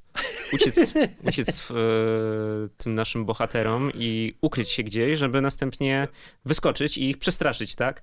E, Co jest też jakimś takim ciekawym no, żartem z tej konwencji e, z, z, z tego, na czym fan footage bazują, czyli właśnie na jumpscarach, tak? No bo Mhm. ten jego wyskok jest tak pokraczny i tak dziwaczny. nie i- straszny. przede- nie straszny przede i w ogóle e, jeszcze w przypadku a, e, kamerzysty Arona, on się, on się dosyć sprawdza, ale e, na tym też, też polega geniusz dwójki, tak, że w przypadku tej dziewczyny na niej no nie robi to po prostu, Mhm. nie robi to po prostu wrażenia, więc pokazuje no, nam tym samym od razu sequel, że nie będzie grał do końca e, na tych samych znanych nam e, rejestrach. Tak, ja bym w ogóle powiedział, nawet pokusił się o stwierdzenie, że to jest jeden z najbardziej e, uzasadnionych sequeli w, w ogóle w historii horroru, nie? Że to mało widziałem takich kontynuacji, które by były tak fajnie okręcone i tak fajnie realizowałyby jakąś taką filozofię sequela, w, który, w którą wierzę, nie? E, może Obcy dwójka, e, Mm. Okej. pewnie pa, parę by się znalazło, natomiast na pewno Dziwak e, był, był, byłby wśród nich. Dobra, no to co, lecimy E, dalej? lecimy Które to dalej. jest miejsce? Teraz jest twoja kolej, to jest czwarte miejsce już. Czwarte. Tylko przypomnę, co mam do tej pory, czyli pierwszą szóstkę. Dobrze, przypomnij. Na dziesiątym miejscu Paranormal Activity, na dziewiątym Blair Witch Project, na ósmym Człowiek pogryzł psa, na siódmym Unfriended, e, czyli Koniec przyjaźni. E, piękny kameralny dramat o rozpadzie rodziny. Okej. E, na szóstym Lake Mango, e, na piątym Dziwak 1 plus 2. Dobra, i to jest czwarte Czwarte miejsce. miejsce. No dobrze, czwarte miejsce to może weźmy film Barego Levinsona Zatoka. Mhm. E, Wydaje mi się, że kiedy słyszysz, e, że taki reżyser jak Barry Levinson e, zabiera się found, za found footage, to automatycznie chcesz bardzo obejrzeć ten film. Barry Levinson ma u mnie dożywotni props za film Uśpieni, do którego nie chcę wracać, e, ponieważ... Lorenzo Carcatera. Loren Lorenzo. Carcatera, ponieważ bardzo boję się, że ten film nie jest e, tak dobry, jak go zapamiętałem, a zapamiętałem go jako wybitny film z wybitnymi kreacjami aktorskimi o Ja niezwykłym scenariuszu. Muszę, muszę autorstwa Lorenzo Carcatery, czyli człowieka, który to przeżył. E, Ja muszę tutaj wspomnieć anegdotę, jak siedzieliśmy kiedyś w knajpie redakcyjnie i nie mogłeś, znaczy przestałeś mnie traktować jak człowieka, jak się okazało, że, że nie widziałem nigdy uśpionych i nie potrafię docenić scenariusza Lorenzo Carcatery. Tak, to E, była, więc to była książka na początku też. Nadrobiłem to, uśpieni to też był jeden z moich dużych braków e, z lat 90., natomiast Jasne. od razu nadrobiłem, nadrobiłem ten film i to nie było tak dawno, z 3-4 lata temu i pamiętam, że mi się bardzo podobał, więc wydaje mi się, że to jest coś takiego, co prze, przetrwało próbę czasu. A Kevin, scenariusz Le- Lorenzo Carcatery na pewno. tak, Kevin Bacon w roli e, strażnika, strażnika gwałciciela, e, strażnika pedofila gwałciciela. E, No i cóż, wracając do found footage w wykonaniu Barego Levinsona, to jest tak zwany e, horror ekologiczny. Mhm. E, Czekaj, ty widziałeś w ogóle? Widziałem, widziałem, tak, ja bardzo lubię Zatok. To jest jest- horror e, ekologiczny e, z dużą taką ambicją, żeby nam coś powiedzieć o współczesnym świecie, o zmianie klimatu, e, trochę e, o tym, jak e, no co po prostu władze, ale też na takim poziomie e, polityki lokalnej e, robią ze środowiskiem, tak? No bo e, Zatoka opowiada o miasteczku, które mierzy się z katastrofą ekologiczną. Wo- wody tego miasteczka zostały zatrute przez bakterie pochodzącego z e, pochodzące z kurzych odchodów. E, Te bakterie ewoluowały, ewoluowały w jakieś larwy, larwy w stawonogi, stawonogi zaczęły atakować ryby, potem zaczę, zaczęły atakować, atakować ludzi, no i po prostu z mieszkańcami zaczyna dziać się coś bardzo, bardzo Mhm. niepokojącego. E, Wirusowy film po prostu. Wirusowy film, tak. Wirusowy film, e, epidemiczny film, film, który oczywiście rezonuje z dzisiaj, z najróżniejszych powodów i chyba dzisiaj jest Tak. najlepszy moment, żeby go obejrzeć. To było zabawne, jak powiedziałeś, że kiedy słyszysz, że Barry Levinson będzie realizował. Ja, ja, ja się dowiedziałem, że Zatoka istnieje e, i byłem w szoku, że to jest w ogóle w filmografii Barry'ego Levinsona. Znaczy ja w ogóle nic nie słyszałem, jak ten film powstawał. Aha, Nie spodziewałem się takiego filmu po, e, po nim, jakoś tak retroaktywnie go odkryłem. okej. E, No ale no tak, no jest, to, jest to jeden z na pewno z ciekawszych filmów found footage. Przede wszystkim przez, no, mm, on nie ma też takiej palpowej podszewki, nie? To jest trochę opowiedziana, to jest trochę film opowiedziany jako powieść, e, jak, jak jakiś taki e, po prostu jak publicystyka, nie? O, to Tak. jest chyba słowo, którego szukam. To jest e, zaskakująco zwarte, takie... Jest, jest zwarte i jest ta horrorowa oczywiście podszewka. To jest bardzo krwawy film, bardzo obrzydliwy, Oj tak. e, bo jeśli chodzi o jakiś taki body horror, to tutaj dzieją się absolutnie e, fascynujące rzeczy. I te ciała, które się pojawiają tam na iz izbach przyjęć, to, to w jaki sposób te ciała, no jest rozpad głowy i rozpad ciała, o tak. Są też takie pęcherze. W ogóle trochę atak tego wirusa przypomina chorobę popromienną. Tak, tak, Bo, tak, tak. bo to są takie pęcherze trochę jak po poparzeniach, to trochę nas znowu e, odsyła do Czarnobyla. Tam jest trochę takich, e, nie, do czar, nie do Czarnobyla w sensie serialu Czarnobyl, tylko po prostu Tak, takich to- motywów związanych z, e, z taką działalnością atom, atomowo-jądrową, tak? Czyli jakieś kolejne zagrożenie takie, które Mhm. tutaj Barry Levinson bierze na celownik. No ale fakt, Znaczy dla mnie on po prostu jest... dużo ciekawszy jako opowieść o... Znaczy nie wiem, czy dużo, on po prostu jest ciekawy i na każdej płaszczyźnie się sprawdza, i, i, ale przede wszystkim dla mnie się sprawdza jako opowieść właśnie o tym, co powiedziałeś, czyli tej lokalnej, lokalnym ogarnianiu tego tematu. Tak, bo tam E, jest też postać burmistrza, który tak. oczywiście wszystko zamiata pod dywan i jest wielkim pajacem. E, wydaje mi się, że to jest taka rzecz, która zawsze będzie mnie odsyłać do Spielberga i do Tak, Szczęk, czyli do jakiegoś takiego e, portretu małomiasteczkowej społeczności, który jest równie istotny, jeśli nie istotniejszy niż to zagrożenie. Aha. Bo jest tak jakby zasugerowane, że to jest, że tu tkwi problem, nie? I że, że to zagroże, zagrożenie tak naprawdę pochodzi ze, ze środka. Mm, No i wydaje mi się, że w, to jest też kino, które Barry Levinson lubi robić, nie? On w większości swoich filmów miał taki bardzo mocny satyryczny też Tak. e, pazur. Tutaj oczywiście nie ma satyry, natomiast jest jakiś rodzaj e, krytyki, który, e, który on uprawia i który bardzo się fajnie klei z, z taką body horrorową konwencją. No nie wiem, no ja byłem w szoku. Nie spodziewałem się po nim takiego filmu, zwłaszcza, że to w przeciwieństwie do fil- wielu filmów, o których tu mówiliśmy, nazwałbym to czystym horrorem mimo wszystko Tak. przez to, jak, jak położony jest akcent na, te, na tą właśnie, na tą powieść o rozpadzie tkanek po prostu, no bo, do tego się sprowadza ten, do tego się sprowadza atak tej, e, tej bakterii. E, bardzo fajnie zagrany. E, nie, nie pamiętam go za dobrze od tej strony właśnie found footage'owo-operatorskiej, ale wydaje mi się, że tam też Absolutny miks. To jest i e, reporterka, to są i kamery z monitoringu, natomiast, e, natomiast jest to faktycznie bardzo zwarte, bardzo spójnie.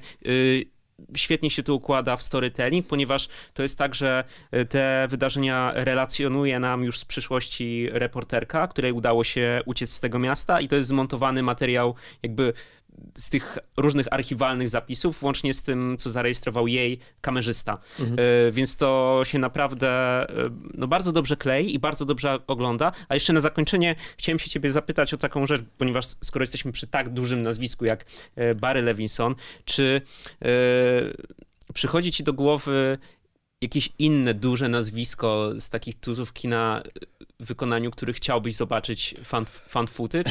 Mi się wydaje, że ja bym chciał zobaczyć fan footage w wyko- wykonaniu e, Ashgara Farhadiego. Myślę, że to, o, by- to, to, to by było no, to, to nie byłby horror, to jest to jest problem. może byłoby to coś na styku, no nie? E, No myślę, że był to film o rozwodzie, który po prostu byłby, wiesz, z POV e, rozwodników prowadzony. E, To jest dobre pytanie, nie? No bo Myślę sobie o takich ludziach, którzy, którzy, którzy potrafili właśnie coś ciekawego w obrazie wyrzeźbić, ale... e, Zawsze, zawsze jest ryzyko, że e, ktoś o dużym nazwisku będzie chciał to połączyć z jakimś ważnym tematem, tak jak zrobił to Barry Levinson. Moglibyśmy sobie wyobrazić, że gdyby e, za fan footage miał się wziąć Steven Soderbergh, to nakręciłby dość podobny film. No wziął się zresztą, on zrobił ten film, który, No, który się pewnie tu nie pojawi, o, o Claire Foy, która jest zamknięta w, w szpitalu psychiatrycznym, który jest z telefonem kręcony. E, Jasne, tylko czy to jest, e, czy to jest, e, czy to jest found footage, czy to jest, bo ja nie widziałem filmu, czy tylko, czy to jest po prostu narracja No to prosta jest, to jest, nakręcona przy, iPhone'em. to jest or, or, orbitujące i przyległe, o tak. Okej, nie? okej. E, Z tego co. Znaczy, okej, no okej, może to nie jest found footage, może tutaj przestrzeliłem, nie? Bo tam dużo jest jakiejś takiej ob- obiektywizującej narracji i takich rzeczy, które, które, e, które faktycznie to podważają. E, Nie wiem, no to jest dobre pytanie. Będę o nim myślał i może ci odpowiem na koniec. E, Super. Przychodzą mi jakieś do głowy jakieś Nolany i tak dalej, które pew- pewnie byłyby ciekawe, ale to jest chyba dość, do, dość łatwa ucieczka od pytania, nie? E, Nolan, e, który... Też to może by, pewnie byłoby ciekawe, ale pomyślę nad kimś ciekawszym. No, myślę, że on jest za bardzo zakochany w IMAXie jednak. To jest, eee... nie, nie, widzi myślę, świata, poza tym zresztą tak. ma wieczne zielone światło na wykorzystanie e, tego formatu, także, e, także nie wiem. No dobra, słuchaj, to co, idziemy dalej chyba. Idziemy dalej. Twoja kolej, tak? Z, z Nestora kina szacowanego, szanowanego przechodzimy do nieznanego człowieka z absolutnie doskonałym filmem. Miejsce trzecie, Megan is Missing. Wow. To jest rzecz, którą mi ukradłeś, ale świetnie, pogadajmy o tym, eee. ponieważ to jest film, który, który znajduje się zawsze bardzo, bardzo wysoko e, w moich zestawieniach, na ogół na drugim miejscu. Eee, super ważny tytuł. Ciężko o nim będzie rozmawiać, bo film jest e, cholernie jest... trudny i ciężki. Znaczy, faktycznie mało było tak mało było tak, mało miałem tak mocnych doświadczeń e, widzowskich jak sens mm -hmm. tego mhm. filmu. E, sens samotny, sens nocny, okay. co dużo, dużo mówi. E, no to jest opowieść o dziewczynie, o, Megan Smithing, czyli o Megan, która, e, która zostaje uprowadzona, porwana, chociaż tego na początku nie wiadomo, po prostu znika. Mhm.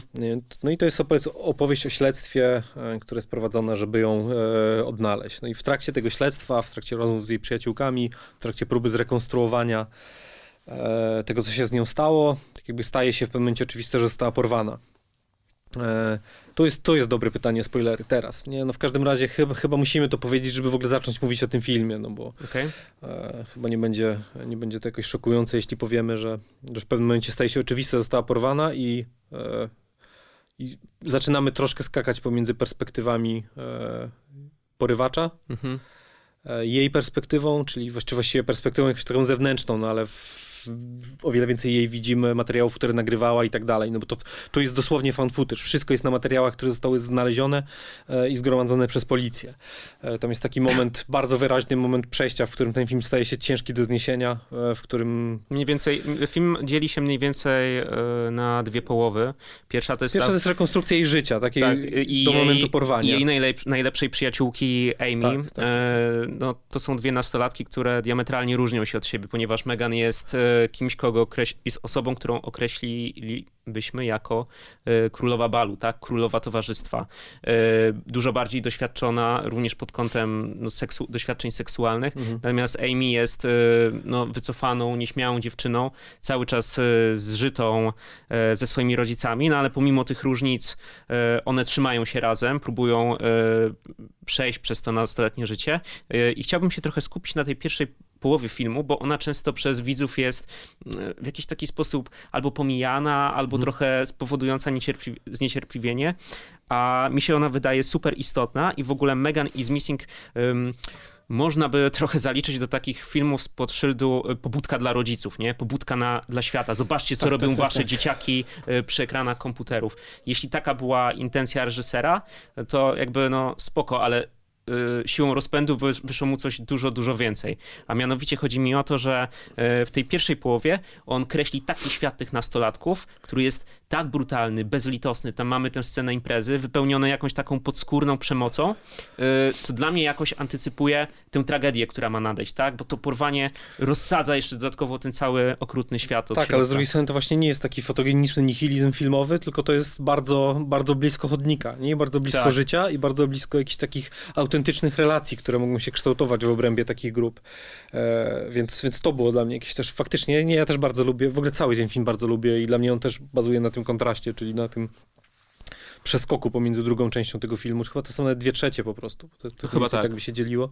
A tym jak cała ekspozycja jest przeprowadzona i co się dzieje między tymi dziewczynami i, i, i scena imprezy, w której e, e, no właściwie chciałem powiedzieć, dzieją się dantejskie sceny, nie dzieją się, ale jest coś takiego, jak mówisz, nie? Czy jakiś taki rodzaj opresji, która jest gdzieś pod, pod skórą i tak, ma jakiś taki społeczny charakter. Znaczy, ta pierwsza połowa jest tak cholernie e, sugestywna i nie pozostawiająca e, tobie jako widzowi złudzeń co do tego, e, no jak, jak do dupy być nastolatkiem, jak ciężko być dzieciakiem, no nie? Tak. I, I się w tym odnaleźć, no bo one obydwie mają swoje problemy, ale tam jest mnóstwo, mnóstwo też takich scen e, właśnie w, w, pierwszej połowie tego filmu, kiedy one się zwierzają w sobie, również ta Megan się zwierza z takich jakichś swoich pierwszych doświadczeń seksualnych, w ogóle ona się zwierza, zdaje się, do tego, że była wykorzystywana seksualnie Tak, przez tak, wujka tam w wieku 9 lat, e, a potem jakoś e, dopełnieniem tego okrucieństwa, które panuje w tej ich rzeczywistości, jest właśnie dla mnie to, e, to, to porwanie, nie? I to co, to, co spotyka te dziewczyny. No bo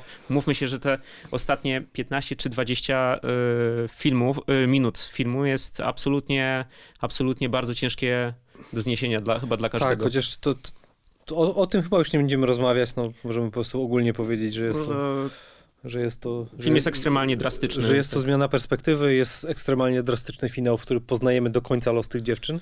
Natomiast to ten moment, który mnie najbardziej uderzył i który chyba uderzył wszystkich, którzy widzieli ten film najbardziej, to jest ten moment, w którym już po tej imprezie i po tym całej ekspozycji tych bohaterek e, mamy scenę, w której ona chyba siedzi w jakimś takim zagajniku, e, nagrywa ostatni materiał, który widzimy z nią e, jeszcze przed, przed porwaniem i E, Amy. e, tak, tak, tak, tak. Amy, tak, tak, tak. Amy widzimy chyba, jak ktoś chodzi na drugim czy na trzecim Tak. planie na górze, widzimy czy, chyba czyjeś nogi, czy czyjeś buty. Tak, tak, tak. Wiemy, że to jest prawdopodobnie porywacz i potem mamy od razu przejście do informacji, e, że w, w materiałach policyjnych pojawiły się dwa zdjęcia e, jakby powiązane ze sprawą, Mhm. zdjęcia zaginionych dziewczyn. No i w tym momencie wyświetla, pojawiają się te zdjęcia, które widzimy te dziewczyny, które są w jakichś takich maszynach.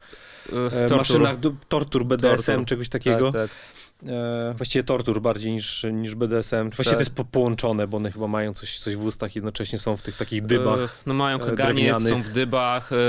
e, I to jest taki moment, mam jeszcze też coś na zębach założone, co rozszerza im chyba, chyba, Szczękę. chyba ust, szczękę.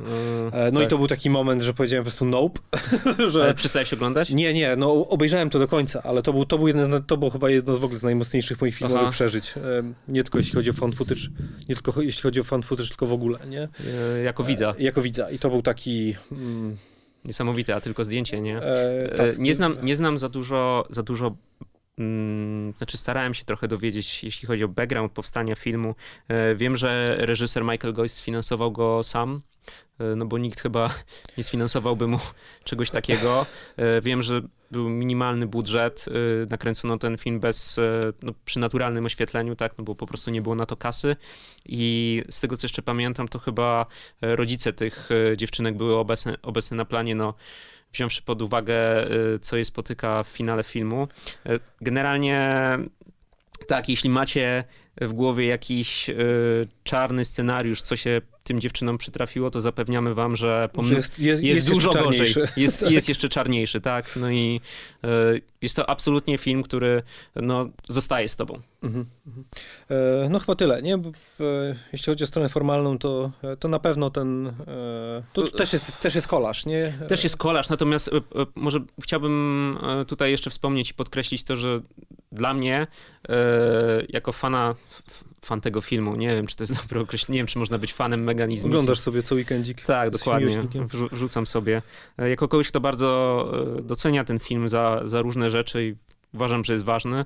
Mm, Super elementem jest to, że, że naprawdę ci bohaterowie e, w 90% rozmawiają ze sobą przez, e, przez komunikatory, bo to dodatkowo Mhm. pokazuje dystans między tymi dzieciakami. Tak, tak, tak. To, jest, też, to jest świat, gdzie te dzieciaki gadają ze sobą przez ścianę i są bardzo nieliczne sceny, kiedy są razem na ekranie. tak, ja bym chciał jednak pochwalić tego reżysera za odwagę, bo to był film, który... e, Znaczy on musiał się spodziewać, co będzie po tym filmie i z A. jakiego rodzaju recepcją ten film się spotka i też z jakiego rodzaju recepcją jego osoby e, artystycznej jakiejś, nie? Bo No. e, jest to, jest to ryzykowny, ryzykowny film, kiedy facet po prostu kręci coś takiego, nie? Tak, E, i jakieś takie zarzuty o eksploatację, o eksploatację tych bohaterek, jakiś rodzaj torture porno, to, to absolutnie musiały się pojawić. no na i, pewno.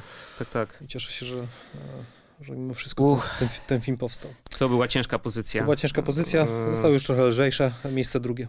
E, Miejsce drugie. No dobrze, no to w takim razie, skoro to jest miejsce drugie, wizyta M. Night Shyamalan. E, nie kopsnąłem się w nazwisku? Shyamalan, Shyamalan, Shyamalan. Shyamalan. Zawsze, zawsze jest z nim problem. Trochę tak. E, czyli E. powrót do formy. E, Powrót do powrót przed odwrotem, bo wszyscy widzieliśmy Old już. E, najbardziej nierówny reżyser, e, jeden z najbardziej nierównych reżyserów w historii kina, który miał swoje wzloty i upadki. Wizyta była jego no, wzlotem, tak? Mhm. To jest zdecydowanie mój ulubiony film found footage. Film, który kocham na tak wielu poziomach, że nawet nie jestem w stanie stwierdzić, czy będę tu w stanie je e, wszystkie e, wywołać. No ale Spróbuję. Przede wszystkim to, co wspomniałem ci na początku naszego podcastu, czyli to, za co, za co ja najbardziej lubię fanfooty, czyli to, że jest to jakiś rodzaj zabawy kinem, rodzaj jakiejś kreacji na naszych oczach, rejestrowania tego, co się dzieje. I w tym, to, w tym filmie pojawia się to dosłownie. To znaczy, mamy bohaterów, dwójkę dzieciaków, jadą odwiedzić swoich nigdy niewidzianych dziadków. dziadków ta wizyta, e, no, można powiedzieć, że zmieni ich życie, e, ale co jest, co jest istotne, e, dzieciaki kręci robienie filmów, zwłaszcza, zwłaszcza dziewczynę. Ona ma takie aspiracje do bycia reżyserką, więc zabierają ze sobą aparaty, nawet całkiem niezłe, mają zamiar kręcić, mają zamiar, mają zamiar montować ponieważ to jest trochę taka rodzina, która, która się rozpadła, to znaczy matka w wyniku konfliktu też straciła kontakt z rodzicami, dziadkami dzieciaków, no to film, który ma powstać, dokument, ma być trochę takim pomostem, który, który zespoli ze sobą y, tych bohaterów, tak? Zespoli dziadków z wnukami, z wnukami dziadków z matką i tak, i tak dalej, i tak dalej. Wspomnę to, bo być może nie będziemy o tym gadać, ale bardzo dobra rola matki. Tak. Bardzo postać, która pojawia się dosłownie na parę, chwil. na parę chwil, ale... Mhm nie wiem, bardzo fajnie, w zwarty sposób napisana i bardzo dużo możesz wnioskować z jej, wnioskować, tak. z jej ekspresji, z tego, jak jest wprowadzona. Y, I też o, jej, o tej przeszłości, tak? W sumie tak między wierszami czytając. Tak, tak, tak. tak. Mm. Natomiast y, w związku z tym, że y, dzieciaki mają takie y, aspiracje do filmowców, no to w filmie pada dużo takich tekstów w stylu właśnie ok, teraz szukamy wizualnego napięcia, które odbywa się poza kadrem, albo dziewczynka instruuje chłopca, żeby stanął przy huśtawce, ale dał się jej organicznie, organicznie pobujać. No i właściwie na naszych, na naszych, na naszych oczach powstaje ten dokument i tym samym no, reżyser nam opowiada o jakiejś swojej miłości do kina. Także to jest ten pierwszy powód. Drugim powodem są dzieciaki. Absolutnie, absolutnie fantastyczny y, dziecięcy duet, super naturalnie zagrane role, y, bardzo autenty autentyczne, bardzo zabawne. Y, no, y, zarówno y, Becca, jak i Tyler, bo takie noszą imiona. Ed Oxenbould i Olivia de Jong. Tak, y, no po prostu tworzą na naszych oczach takie postaci, którym kibicujemy, którym współczujemy, do których czujemy mega empatię. Trzymaj tę myśl, przerwę ci tylko no. Bartek Staszczyszyn, który recenzował Aha. wizytę, dał cztery gwiazdki. Och. Natomiast sam film ma tylko 5-7 wśród krytyków. Rany boskie. Nie wiem, co się dzieje z tymi ludźmi. Też nie wiem, ale może spróbuję może spróbuję jakoś sprzedać swoje odczucia do tego filmu i, i ten, wnieść trochę entuzjazmu. Nie wiem, czy będą tego słuchali, ale e, no cóż, mniejsza, mniejsza z tym. E, dobrze, na czym, na czym skończyłem? Aha. E, fantastyczny, tak, dziecięcy duet. Każdy z nich ma swoją historię, każdy z nich ma jakieś swoje lęki i swoje traumy, dlatego że wizyta jest również filmem o przełamywaniu tych lęków, przełamywaniu tych traum. Trzeci powód, dziadkowie. E, cóż mogę powiedzieć? Kiedy jesteś dzieciakiem na jakimś etapie i wiesz, jak już funkcjonuje świat, wiesz, jak funkcjonują ludzie, e, starsi ludzie często mogą ci się wydać. Przerażający dziwaczni, przerażający, ponieważ mają swoje nawyki i natręstwa, co zresztą ten tekst nieraz pada w filmie, tak? Mhm. Jakby uspokójmy się, to są starsi ludzie, musimy ich zrozumieć, oni tak mają, starsi ludzie tak mają, to też jest bardzo zabawne, bo to jest często podkreślane. Natomiast y, to, co robi reżyser z, y, y, z tym, to po prostu traktuje to jakiś punkt wyjścia, podkręca to do ekstremum, te dziwactwa, no i zamienia tych dziadków w psychopatów. I to powoduje, że tak mamy tą ekstremalną sytuację, w której dzieciaki się znajdują. Na szczególną uwagę zasługuje tutaj e, babcia. Nie pamiętam imienia i nazwiska e, tej aktorki. Natomiast y, to jest oczywiście, ona jest fantastyczna, ponieważ tak, z jednej strony ma aparycję babci... Dina Danagan. Dina Danagan. Z jednej strony ma aparycję babci, która częstuje cię świeżo upieczonymi ciasteczkami, ale z drugiej strony fantastycznie sprawdza się w też scenach, w których po prostu buja się na fotelu i obłąkańczo śmieje. Nie wiem, czy się ze mną zgodzisz. Który czołga się pod e, domem. Tak, no właśnie. No i kurde, co, co jeszcze mogę dodać? W filmie jest mnóstwo kapitalnych scen, tak? Scena właśnie zabawy wchowanego pod domem, scena czyszczenia piekarnika, yy, scena yy, w grę jachcji i cały finał. Yy... Przede wszystkim scena, kiedy bohater wychodzi w nocy Tak. Bo słyszy niepokojący odgłos i widzi swoją nagą babcię, która drapie pazurami Oh my w god, to są obrazy, które... ścianę. Tak, i wraca, wraca do pokoju i krzyczy do swojej strony beka, oślepła. E, no jest mnóstwo takich scen, które, które zapadają nam w pamięć. W ogóle film jest... e, To nie jest stricte horror, to jest trochę miks, Mhm. tak, też czarnej komedii, czegoś takiego bardzo dziwacznego. I ten e, odjazd największy pojawia się w ostatnich 15 minutach Mhm. filmu, kiedy film zamienia się w trochę w kino survivalowe. E, Te dzieciaki znajdują się już w super e, ekstremalnej sytuacji, kiedy e, gra się toczy o ich życie, Mhm. tak naprawdę. Nie będziemy tutaj spoilerować, jakie jest rozstrzygnięcie tego, tego pojedynku, natomiast powiedzmy tylko tyle, że ten pojedynek to jest właśnie przełamanie traum i lęków tych dzieciaków. Tak, jedno z najciekawszych przełamań traum, e, Tak. przynajmniej w przypadku chłopaka, jaki widziałem, jakie widziałem w życiu. E, ja nie mam sztel miłości, ale, ale podobała mi się wizyta i bardzo lubię wizytę. I też byłem w szoku, że po, po naprawdę kilku bardzo złych filmach od Awatara przez, o, powiedziałem Awatara odruchowo, ale chodzi oczywiście o ostatniego Władcę Wiatru. Tak. E, Awatar chyba animacja. E, przez e, Kobietę w błękitnej wodzie, przez e, zdarzenie i tak dalej, e, że Shyamalan w ogóle wyskoczył z czymś takim, nie? Z czymś tak małym, z czymś tak dobrym, z czymś, co bardzo wpisuje się w jego twórczość, jeśli chodzi właśnie o... Mm, Technika się zmieniła, nie? Ale, ale jeśli chodzi o sposób narracji, to cały czas jest Tak. Shyamalan, czyli masz tajemnicę, masz twist, masz jakieś rzeczy zbudowane z tych klocków, które on lubi. E, No jednocześnie jest super świeże, nie? I, i faktycznie Jest. zrobienie ze straszaków e, po prostu, no starszych ludzi było e, super fajnym, i świeżym pomysłem i połączenie tego z konwencją fan footage. Dzieciaki też są ekstra, jumpscary są ekstra, powiedzieliśmy tak bardzo krótko, no ale ta scena, w której Tak. on, dzieciak się wczołguje pod, pod dom i tam czegoś szuka, Nagle babcia się pojawia, a babcia tam chodzi jak, jak, jak, jak jakiś taki, wiesz, ptasznik po prostu Mhm. e, popyla pod tym. E, Wiesz co, to, co, to jeszcze, czego jeszcze nie powiedziałem, to to, że właśnie kiedy wizyta zadebiutowała na ekranie, to był czas, kiedy ja już byłem bardzo zmęczony tym podgatunkiem, nie widziałem nic e, więcej dla siebie i nagle pojawił się film, który, wiesz, opowiadał jeszcze jakąś historię w tle. Tam są dwie takie super sceny, no bo te dzieciaki kręcą też setki, no nie? E, I między sobą, i z dziadkami, które mają być e, częścią tego dokumentu i naprawdę bardzo są przejmujące te momenty, kiedy e, te dzieciaki opowiadają swoją historię, kiedy najpierw Tyler opowiada, tak, dlaczego tak. według niego zostawił ich ojciec i oczywiście e, totalnie absurdalną, tak, że, że ojciec był świadkiem, kiedy on e, nie powstrzymał napastnika przeciwnej drużyny przed zdobyciem przyłożenia w meczu futbolowym, a potem, a potem z kolei Tyler kręci Bekę i prowokuje ją do takiego zwierzenia na temat jej bardzo niskiej samooceny, tak, i się pyta, czemu nigdy nie patrzysz w lustro. No i to są tak, takie rzeczy, które dodatkowo e, budują ci historię e, tych bohaterów i sprawiają, że jesteś z nimi e, po prostu, no i chcesz, żeby wygrały z tymi dziadkami. No E, także to jest moja... e, Ja się zgadzam z przedmówcą.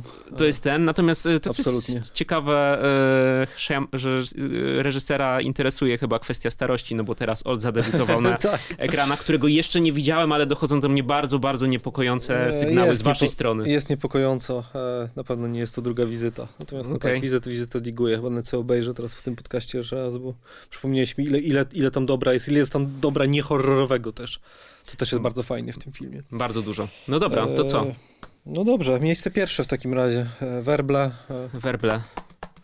na tym nie stać. Wer, werble z laptopa. Okej. E, No dobrze, no-brainer, nie będziemy dłużej, dłużej trzymać w, w, w, w oczekiwaniu. Kwarantanna, żartuję, rek. Oh my E, ale god, prawie spadłem z fotela. Rek, ale o kwarantannie też powiem, bo uwaga, Dobra. uwaga, uwaga, spoiler, kwarantannę bardzo lubię. Nie uważam, że była potrzebna, ale ją lubię. No ale rek. Hmm. No chyba mało kontrowersyjny wybór. E, Mało kontrowersyjny. Rok 2007, e, Homer Ale- Balaguero i Paco Plaza. Wciąż. E, no i chyba Biblia, nie? Biblia, jeśli chodzi o język kina. Jeśli chodzi o osiągnięcie podgatunku. Mm, tak, jeśli chodzi o osiągnięcie podgatunku, jeśli chodzi o metodę budowania narracji. Po pierwsze, bardzo fajny punkt wyjścia, bardzo wiarygodny i w sumie dość, dość inteligentny i dość inteligentnie przeprowadzony, czyli mamy, tak jak już mówiliśmy dzisiaj, ale możemy to powtórzyć, mamy program o, o nocnym funkcjonowaniu różnych służb miejskich, jesteśmy w Barcelonie, Tak. mamy e, dziennikarkę, która się tym zajmuje, mamy operatora, który w kwarantannie się pojawia jako postać, wychodzi przed swoją kamerę, Mhm. Tutaj jest, nie widzimy go przez cały film. E, no i mamy podróż, mamy odcinek o strażakach, którzy odpowiadają na wezwanie. E, program nazywa się e, Kiedy w nocy śpisz? Albo Kiedy, takiego, kiedy tak, śpisz? tak. Z, czego nawet jeden ze strażaków robi sobie żart. To znaczy, że nikt go nie ogląda. No i mamy fajną bohaterkę. Re, relatable. To jest dobre, ładne słowo angielskie, którego w Polsce chyba nie, nie, nie ma bardzo dobrego odpowiednika. Manuela Velasco. Manuela Velasco, gra jest? Angela Vidal, Angela Vidal. bohaterka.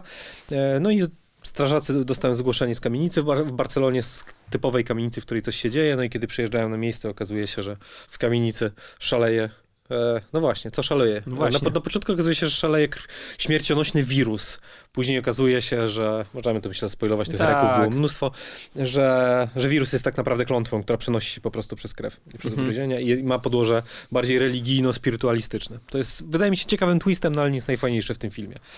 E, to, jest, to jest raz, czyli fajny punkt wyjścia. Jeśli chodzi o to uzasadnienie sensu e, kręcenia tego, to tak jak mówię, nie jest to szczyt kina, e, że, że bohaterka w pewnym momencie musi, mówi, musisz to kręcić, Natomiast jest to jakiś rodzaj e, wybrnięcia z sytuacji, który Nie, tak. czasami działa, czasami nie działa. Możemy sobie E, wyobrazić jej motywację, tak? Plus e, Rek ma też ten, e, ma ten, e, ten fajny zabieg scenariuszowy, że przez większość czasu jest e, operator nie jest sam, ma przynajmniej dwie czy trzy osoby wokół siebie, a w momencie, kiedy tak naprawdę zostają zostaje osamotniony i ma, naj, Mhm.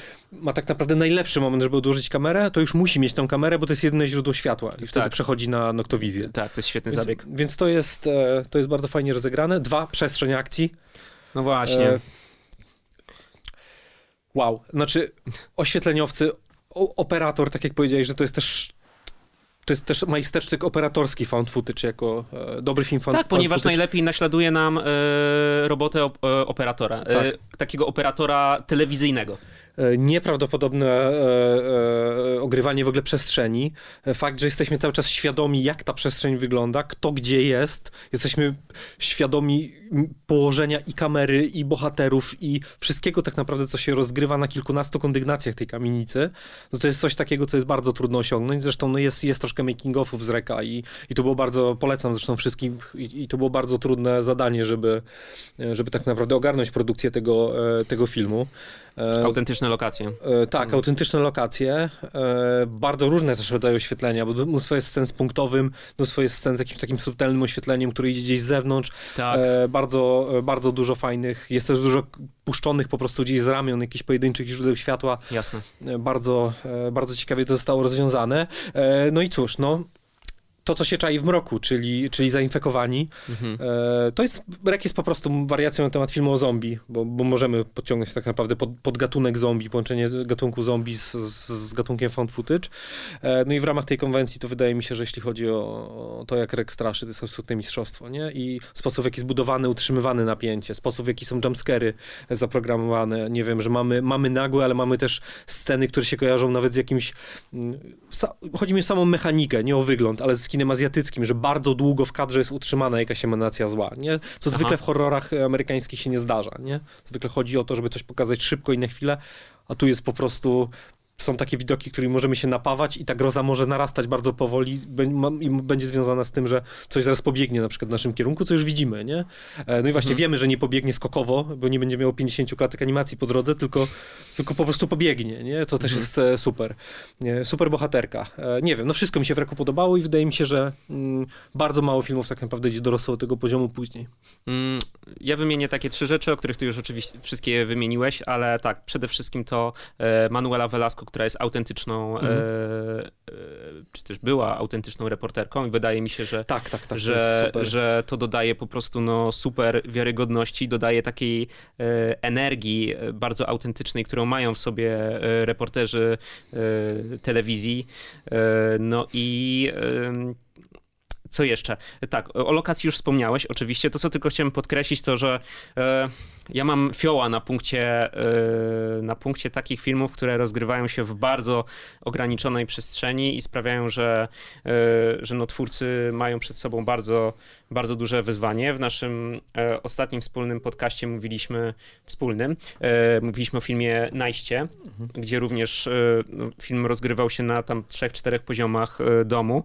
E, także twórcy też mieli przed sobą nie lada wyzwanie, a tutaj punktem centralnym wydają się być schody, co, do, E, tak. co dodatkowo, no tak, właściwie, właściwie to jest taki... Wszystko wokół klatki schodowej się Wszystko się dzieje wokół kręci. klatki schodowej, co jest, no, wydaje mi się, dodatkowym utrudnieniem, tak? No bo wiąże się z bieganiem po tych schodach i tak dalej, ale też sprawia, że pojawia się kilka ciekawych e, pomysłów e, na to, jak zaskoczyć widza, tak? Ten e, najważniejszy z początku filmu, który jest trochę jak takie uderzenie młotem przez twórców, Mhm. czyli ktoś, kiedy ktoś spada z tych, z tych schodów. Tak.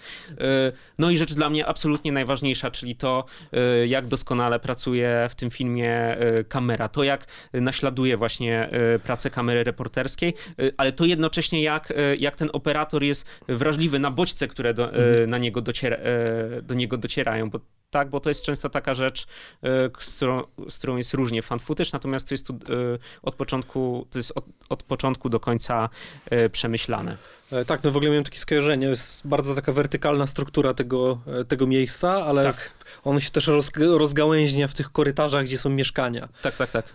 E, A ten, ten środek stanowi taką trochę jak w grach wideo, nie? Taki bezpieczny hub, w którym siedzą bohaterowie i robią wypady w różne Wypady. miejsca tej, Mhm. tej kamienicy. I cały czas wracają. I... cały czas wracają. Oczywiście potem w tym hubie też pojawiają się te, te, te krwiożercze istoty i Mhm. trzeba uciekać coraz wyżej, coraz wyżej, coraz wyżej. No i oczywiście e, puentą i jakimś takim finałowym levelem jest ten strych, w którym e, już jest tylko wykorzystywana noktowizja.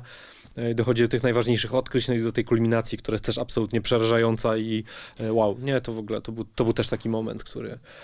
Y, Tak, te zombiaki są też świetnie, e, świetnie zaprojektowane, chociaż widzimy je bardzo niewyraźnie i w bardzo takich dynamicznych scenach, kiedy nie do końca możemy nawet tak e, docenić, no nie, to jak one są, e, są wykonane. No dobra, ale e, jeszcze może wspomnijmy o sequelu, nie? E, tak, e, sequel ma ten e, alienowy, Tak, alienowy tak. zaśpiew, że przychodzą komandosi. Przychodzą E, W to komandosi. samo miejsce przychodzą komandosi e, i zmienia się trochę konwencja pod tym względem, że komandosi mają lepszy powód, że muszą wszystko nagrywać przede wszystkim. Jasne, mają Ma- kamerki. Mają kamerki, w większej rzeczy obserwujemy z ich kamerek. E, Jest więcej akcji w dwójce, e, oczywiście, bo jest więcej... Gun, Po pierwsze jest więcej broni palnej, więc jest więcej akcji. Tak. E, Jest rozwinięta mitologia w dwójce, bo dowiadujemy się więcej o genezie, o genezie tej klątwy i tak dalej, i tak Mhm. dalej. No ja dwójkę też bardzo lubię, chociaż nie jest to najpotrzebniejszy sequel ever i wydaje się mimo wszystko dość, dość wtórny, tak mi się... Ale też, żeby, żeby tutaj oddać sprawiedliwość, dwójkę, dwójki nie widziałem tyle razy, co, co pierwszej części. No ja też. E, Dobra, słuchaj, chciałeś powiedzieć jeszcze o kwarantannie, z której ja niewiele pamiętam. To, co pamiętam, to to, że Jennifer Carpenter Tak. nie wypadła tak przekonująco. Nie, e, Jennifer Carpenter nie jest roli. tak dobra, natomiast ja bardzo lubię e, kwarantannę. Nikt nie lubi kwarantanny. To jest film braci Dowdle, którzy zrobili jeden z lepszych filmów fan footage, który dzisiaj się nie załapał, czyli Poughkeepsie Tapes. Okej. E, też dość, e, dość hardkorowy. No to jest film, który jedzie do, do, dokładnie na tym samym silniku. No masz, e, masz ten sam program, masz e, strażaków, oczywiście akcja jest przeniesiona do Los Angeles, mamy Jennifer Carpenter zamiast Manueli Velasco. E, Carpenter jest słab, oczywiście słabsza w tej roli, natomiast Mhm. ma taki fajny zaśpiew królowych krzyku z lat 70. Tak. Ma też doskonałą twarz takiej cre- Scream Queen, która bardzo dużo wyraża w ogóle w tych horrorowych różnych filmach i wydaje mi się, że ona jest trochę niewykorzystana przez kino w tym względzie, a idealnie by się do tego nadawała. Zresztą no, nazwisko też zobowiązuje. Co tu dużo mówić. Czy to jest, e, bo już nie pamiętam, czy to jest bardzo wierne? Mm, To jest bardzo wierne. To jest bardzo wierne, natomiast są. Każdy fan REK, mi się, mi się wydaje, powinien e, obejrzeć kwarantannę i myślę, że powinien ją docenić, bo są drobne detale dodane, które też tobie by się spodobały. Na przykład jest scena, w której operator zabija jednego z. e, z mówimy zombiaki, to są zombiaki, ale mówmy, O, okej. zabija go kamerą. Więc mamy naśladowanie po prostu tłuczenia tego, e, tego, tego potwora. Obiektywem czy obiekty- jakoś... Obiektywem, tak. Nie, na którym zostaje krew i tak dalej. I dużo jest takich amerykańskich bajerów. Plus jest motyw z windą dodany, który jest akurat bardzo fajny. O. E, Jest tam troszkę takich delikatnych e, przesunięć, chociaż oczywiście całość jest bardzo podobna i e, jest też Jay Hernandez, który dość do, dobrze sobie radzi na drugim planie. Jest operator, który się pojawia, jest postacią bardziej, nie? Mhm. No generalnie jest to super niepotrzebne, to jest, to jest problem tego filmu, ultra niepotrzebne, natomiast cały czas wydaje mi się, że są tam fajne rzeczy, które jeszcze jakby się znalazły w reku, to rek byłby jeszcze wspanialszy i w ogóle 10 na 10.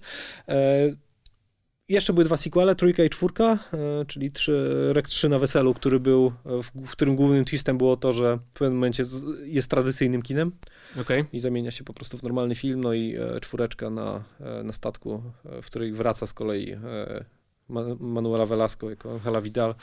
E, nie, zero miłości. Nie, są okej, okay, tak jakby, ale też ja nie, ja nie do końca czuję, że to jest seria, która powinna być e, kontynuowana. kontynuowana. Dla mnie po pierwszej części tam zostało powiedziane wszystko. Sequel jeszcze, dopełnił. Tak, tylko z kronikarskiego obowiązku wspomnę, że też Kwarantanna miała sequel, który się rozgrywał na lotnisku i był e, też tradycyjnie już zrealizowany okay. filmem, jest filmem koszmarnym. Natomiast w ten zestaw Rek Kwarantanna, e, czemu nie? Na pewno się zgodzimy co do tego, że Rek jest e, no, takim skondensowanym Y, dobrem, tak? No tego... to jest szwedzki stół, nie? To jest po prostu wszystko, stół, co najlepsze tak. w found footage i w horrorze. Y, jeszcze, o jeszcze drobnym elemencie chciałem wspomnieć. Y, uważam, że metraż jest doskonały tej pierwszej części, to znaczy godzina 15, tak. właściwie jeden, jeden do jednego akcja, to, to, co oglądamy na ekranie. Dobrze, słuchaj, to na koniec. Ja tylko przypomnę, jak wygląda nasza lista, żeby okay. wszyscy wiedzieli. Na miejscu dziesiątym Paranormal Activity, na miejscu dziewiątym Blair Witch Project, na miejscu ósmym Człowiek Pogryzł Psa, na miejscu siódmym Unfriended, na miejscu szóstym Lake Mango, na miejscu piątym Dziwak 1 i 2, na miejscu czwartym Zatoka, 3 to Megan is Missing, 2 Wizyta i na miejscu pierwszym Rek. Piękna e, lista. piękna lista, to, były, to była nasza lista najlepszych filmów horrorów found footage albo horrorów z przyległościami. Mhm. Pytałeś mnie o to, czyj film bym najchętniej zobaczył w tej konwencji. Okay. E, myślę, że pójdę na grubo. Zobaczyłem film Michaela Beya. O! E, w konwencji found footage. Dobry bo, wybór. Bo to jest reżyser, który ma taką skłonność do do dziwnej definicji ambitnych rzeczy. Okay. Na przykład Sztanga i Cash był ambitnym filmem w jego, w jego przekonaniu. No tak. Film o Bengazji był też ambitny, nie? I wydaje mi się, że, e, że gdyby robił found footage, to by było super ciekawe. A tak naprawdę cały czas opowiada w swoim stylu o tych Aha. samych rzeczach. Okej, okay, no to by było, to by było coś. E, Nie wiem, czemu mam taką perwersyjną przyjemność, że chciałbym zobaczyć jakiegoś europejskiego wielkiego reżysera, żeby nakręcił No tak, footage. ale to raczej e, od Yard niż Godard. Wiesz, o co chodzi. Tak. Raczej kogoś, kto trzyma rękę na pulsie, nie? Nie wiem, Albo Julia Ducournau po dwóch świetnych filmach. O, kto, no, wie, jasne. Kto, kto, wie, co mogłoby zrobić. No dobra. No Dobrze, co? słuchaj. Dziękuję ci bardzo za ten wyczerpujący odcinek. Chyba... Ja dziękuję. Nie wiem ile mam na liczniku, ale Godzina bardzo, 45. Godzina 45, e, nieźle, dobry wynik. Mhm. E, słuchajcie, no dajcie znać w komentarzach, o jakich filmach powinniśmy porozmawiać, a nie porozmawialiśmy. Jest ich pełno? E, jest ich pełno. Jakie są wasze ulubione filmy w konwencji fan footage? Horrory, ale i nie tylko, bo przecież wiadomo, że różne gatunki tutaj wpadają do tej, do tej przegródki. E, no i zapraszamy was na kolejny odcinek e, Krwawej Gadki e, za dwa tygodnie, który jeszcze nie wiem o czym będzie, ale Obiecuję, że będzie o czymś e, bardzo ciekawym i na pewno będzie groźnie i strasznie. E, Macie Kuka. Dzięki. Michał Walkiewicz. E, słuchaliście Krwawej Gadki. Do usłyszenia. Cześć. Cześć.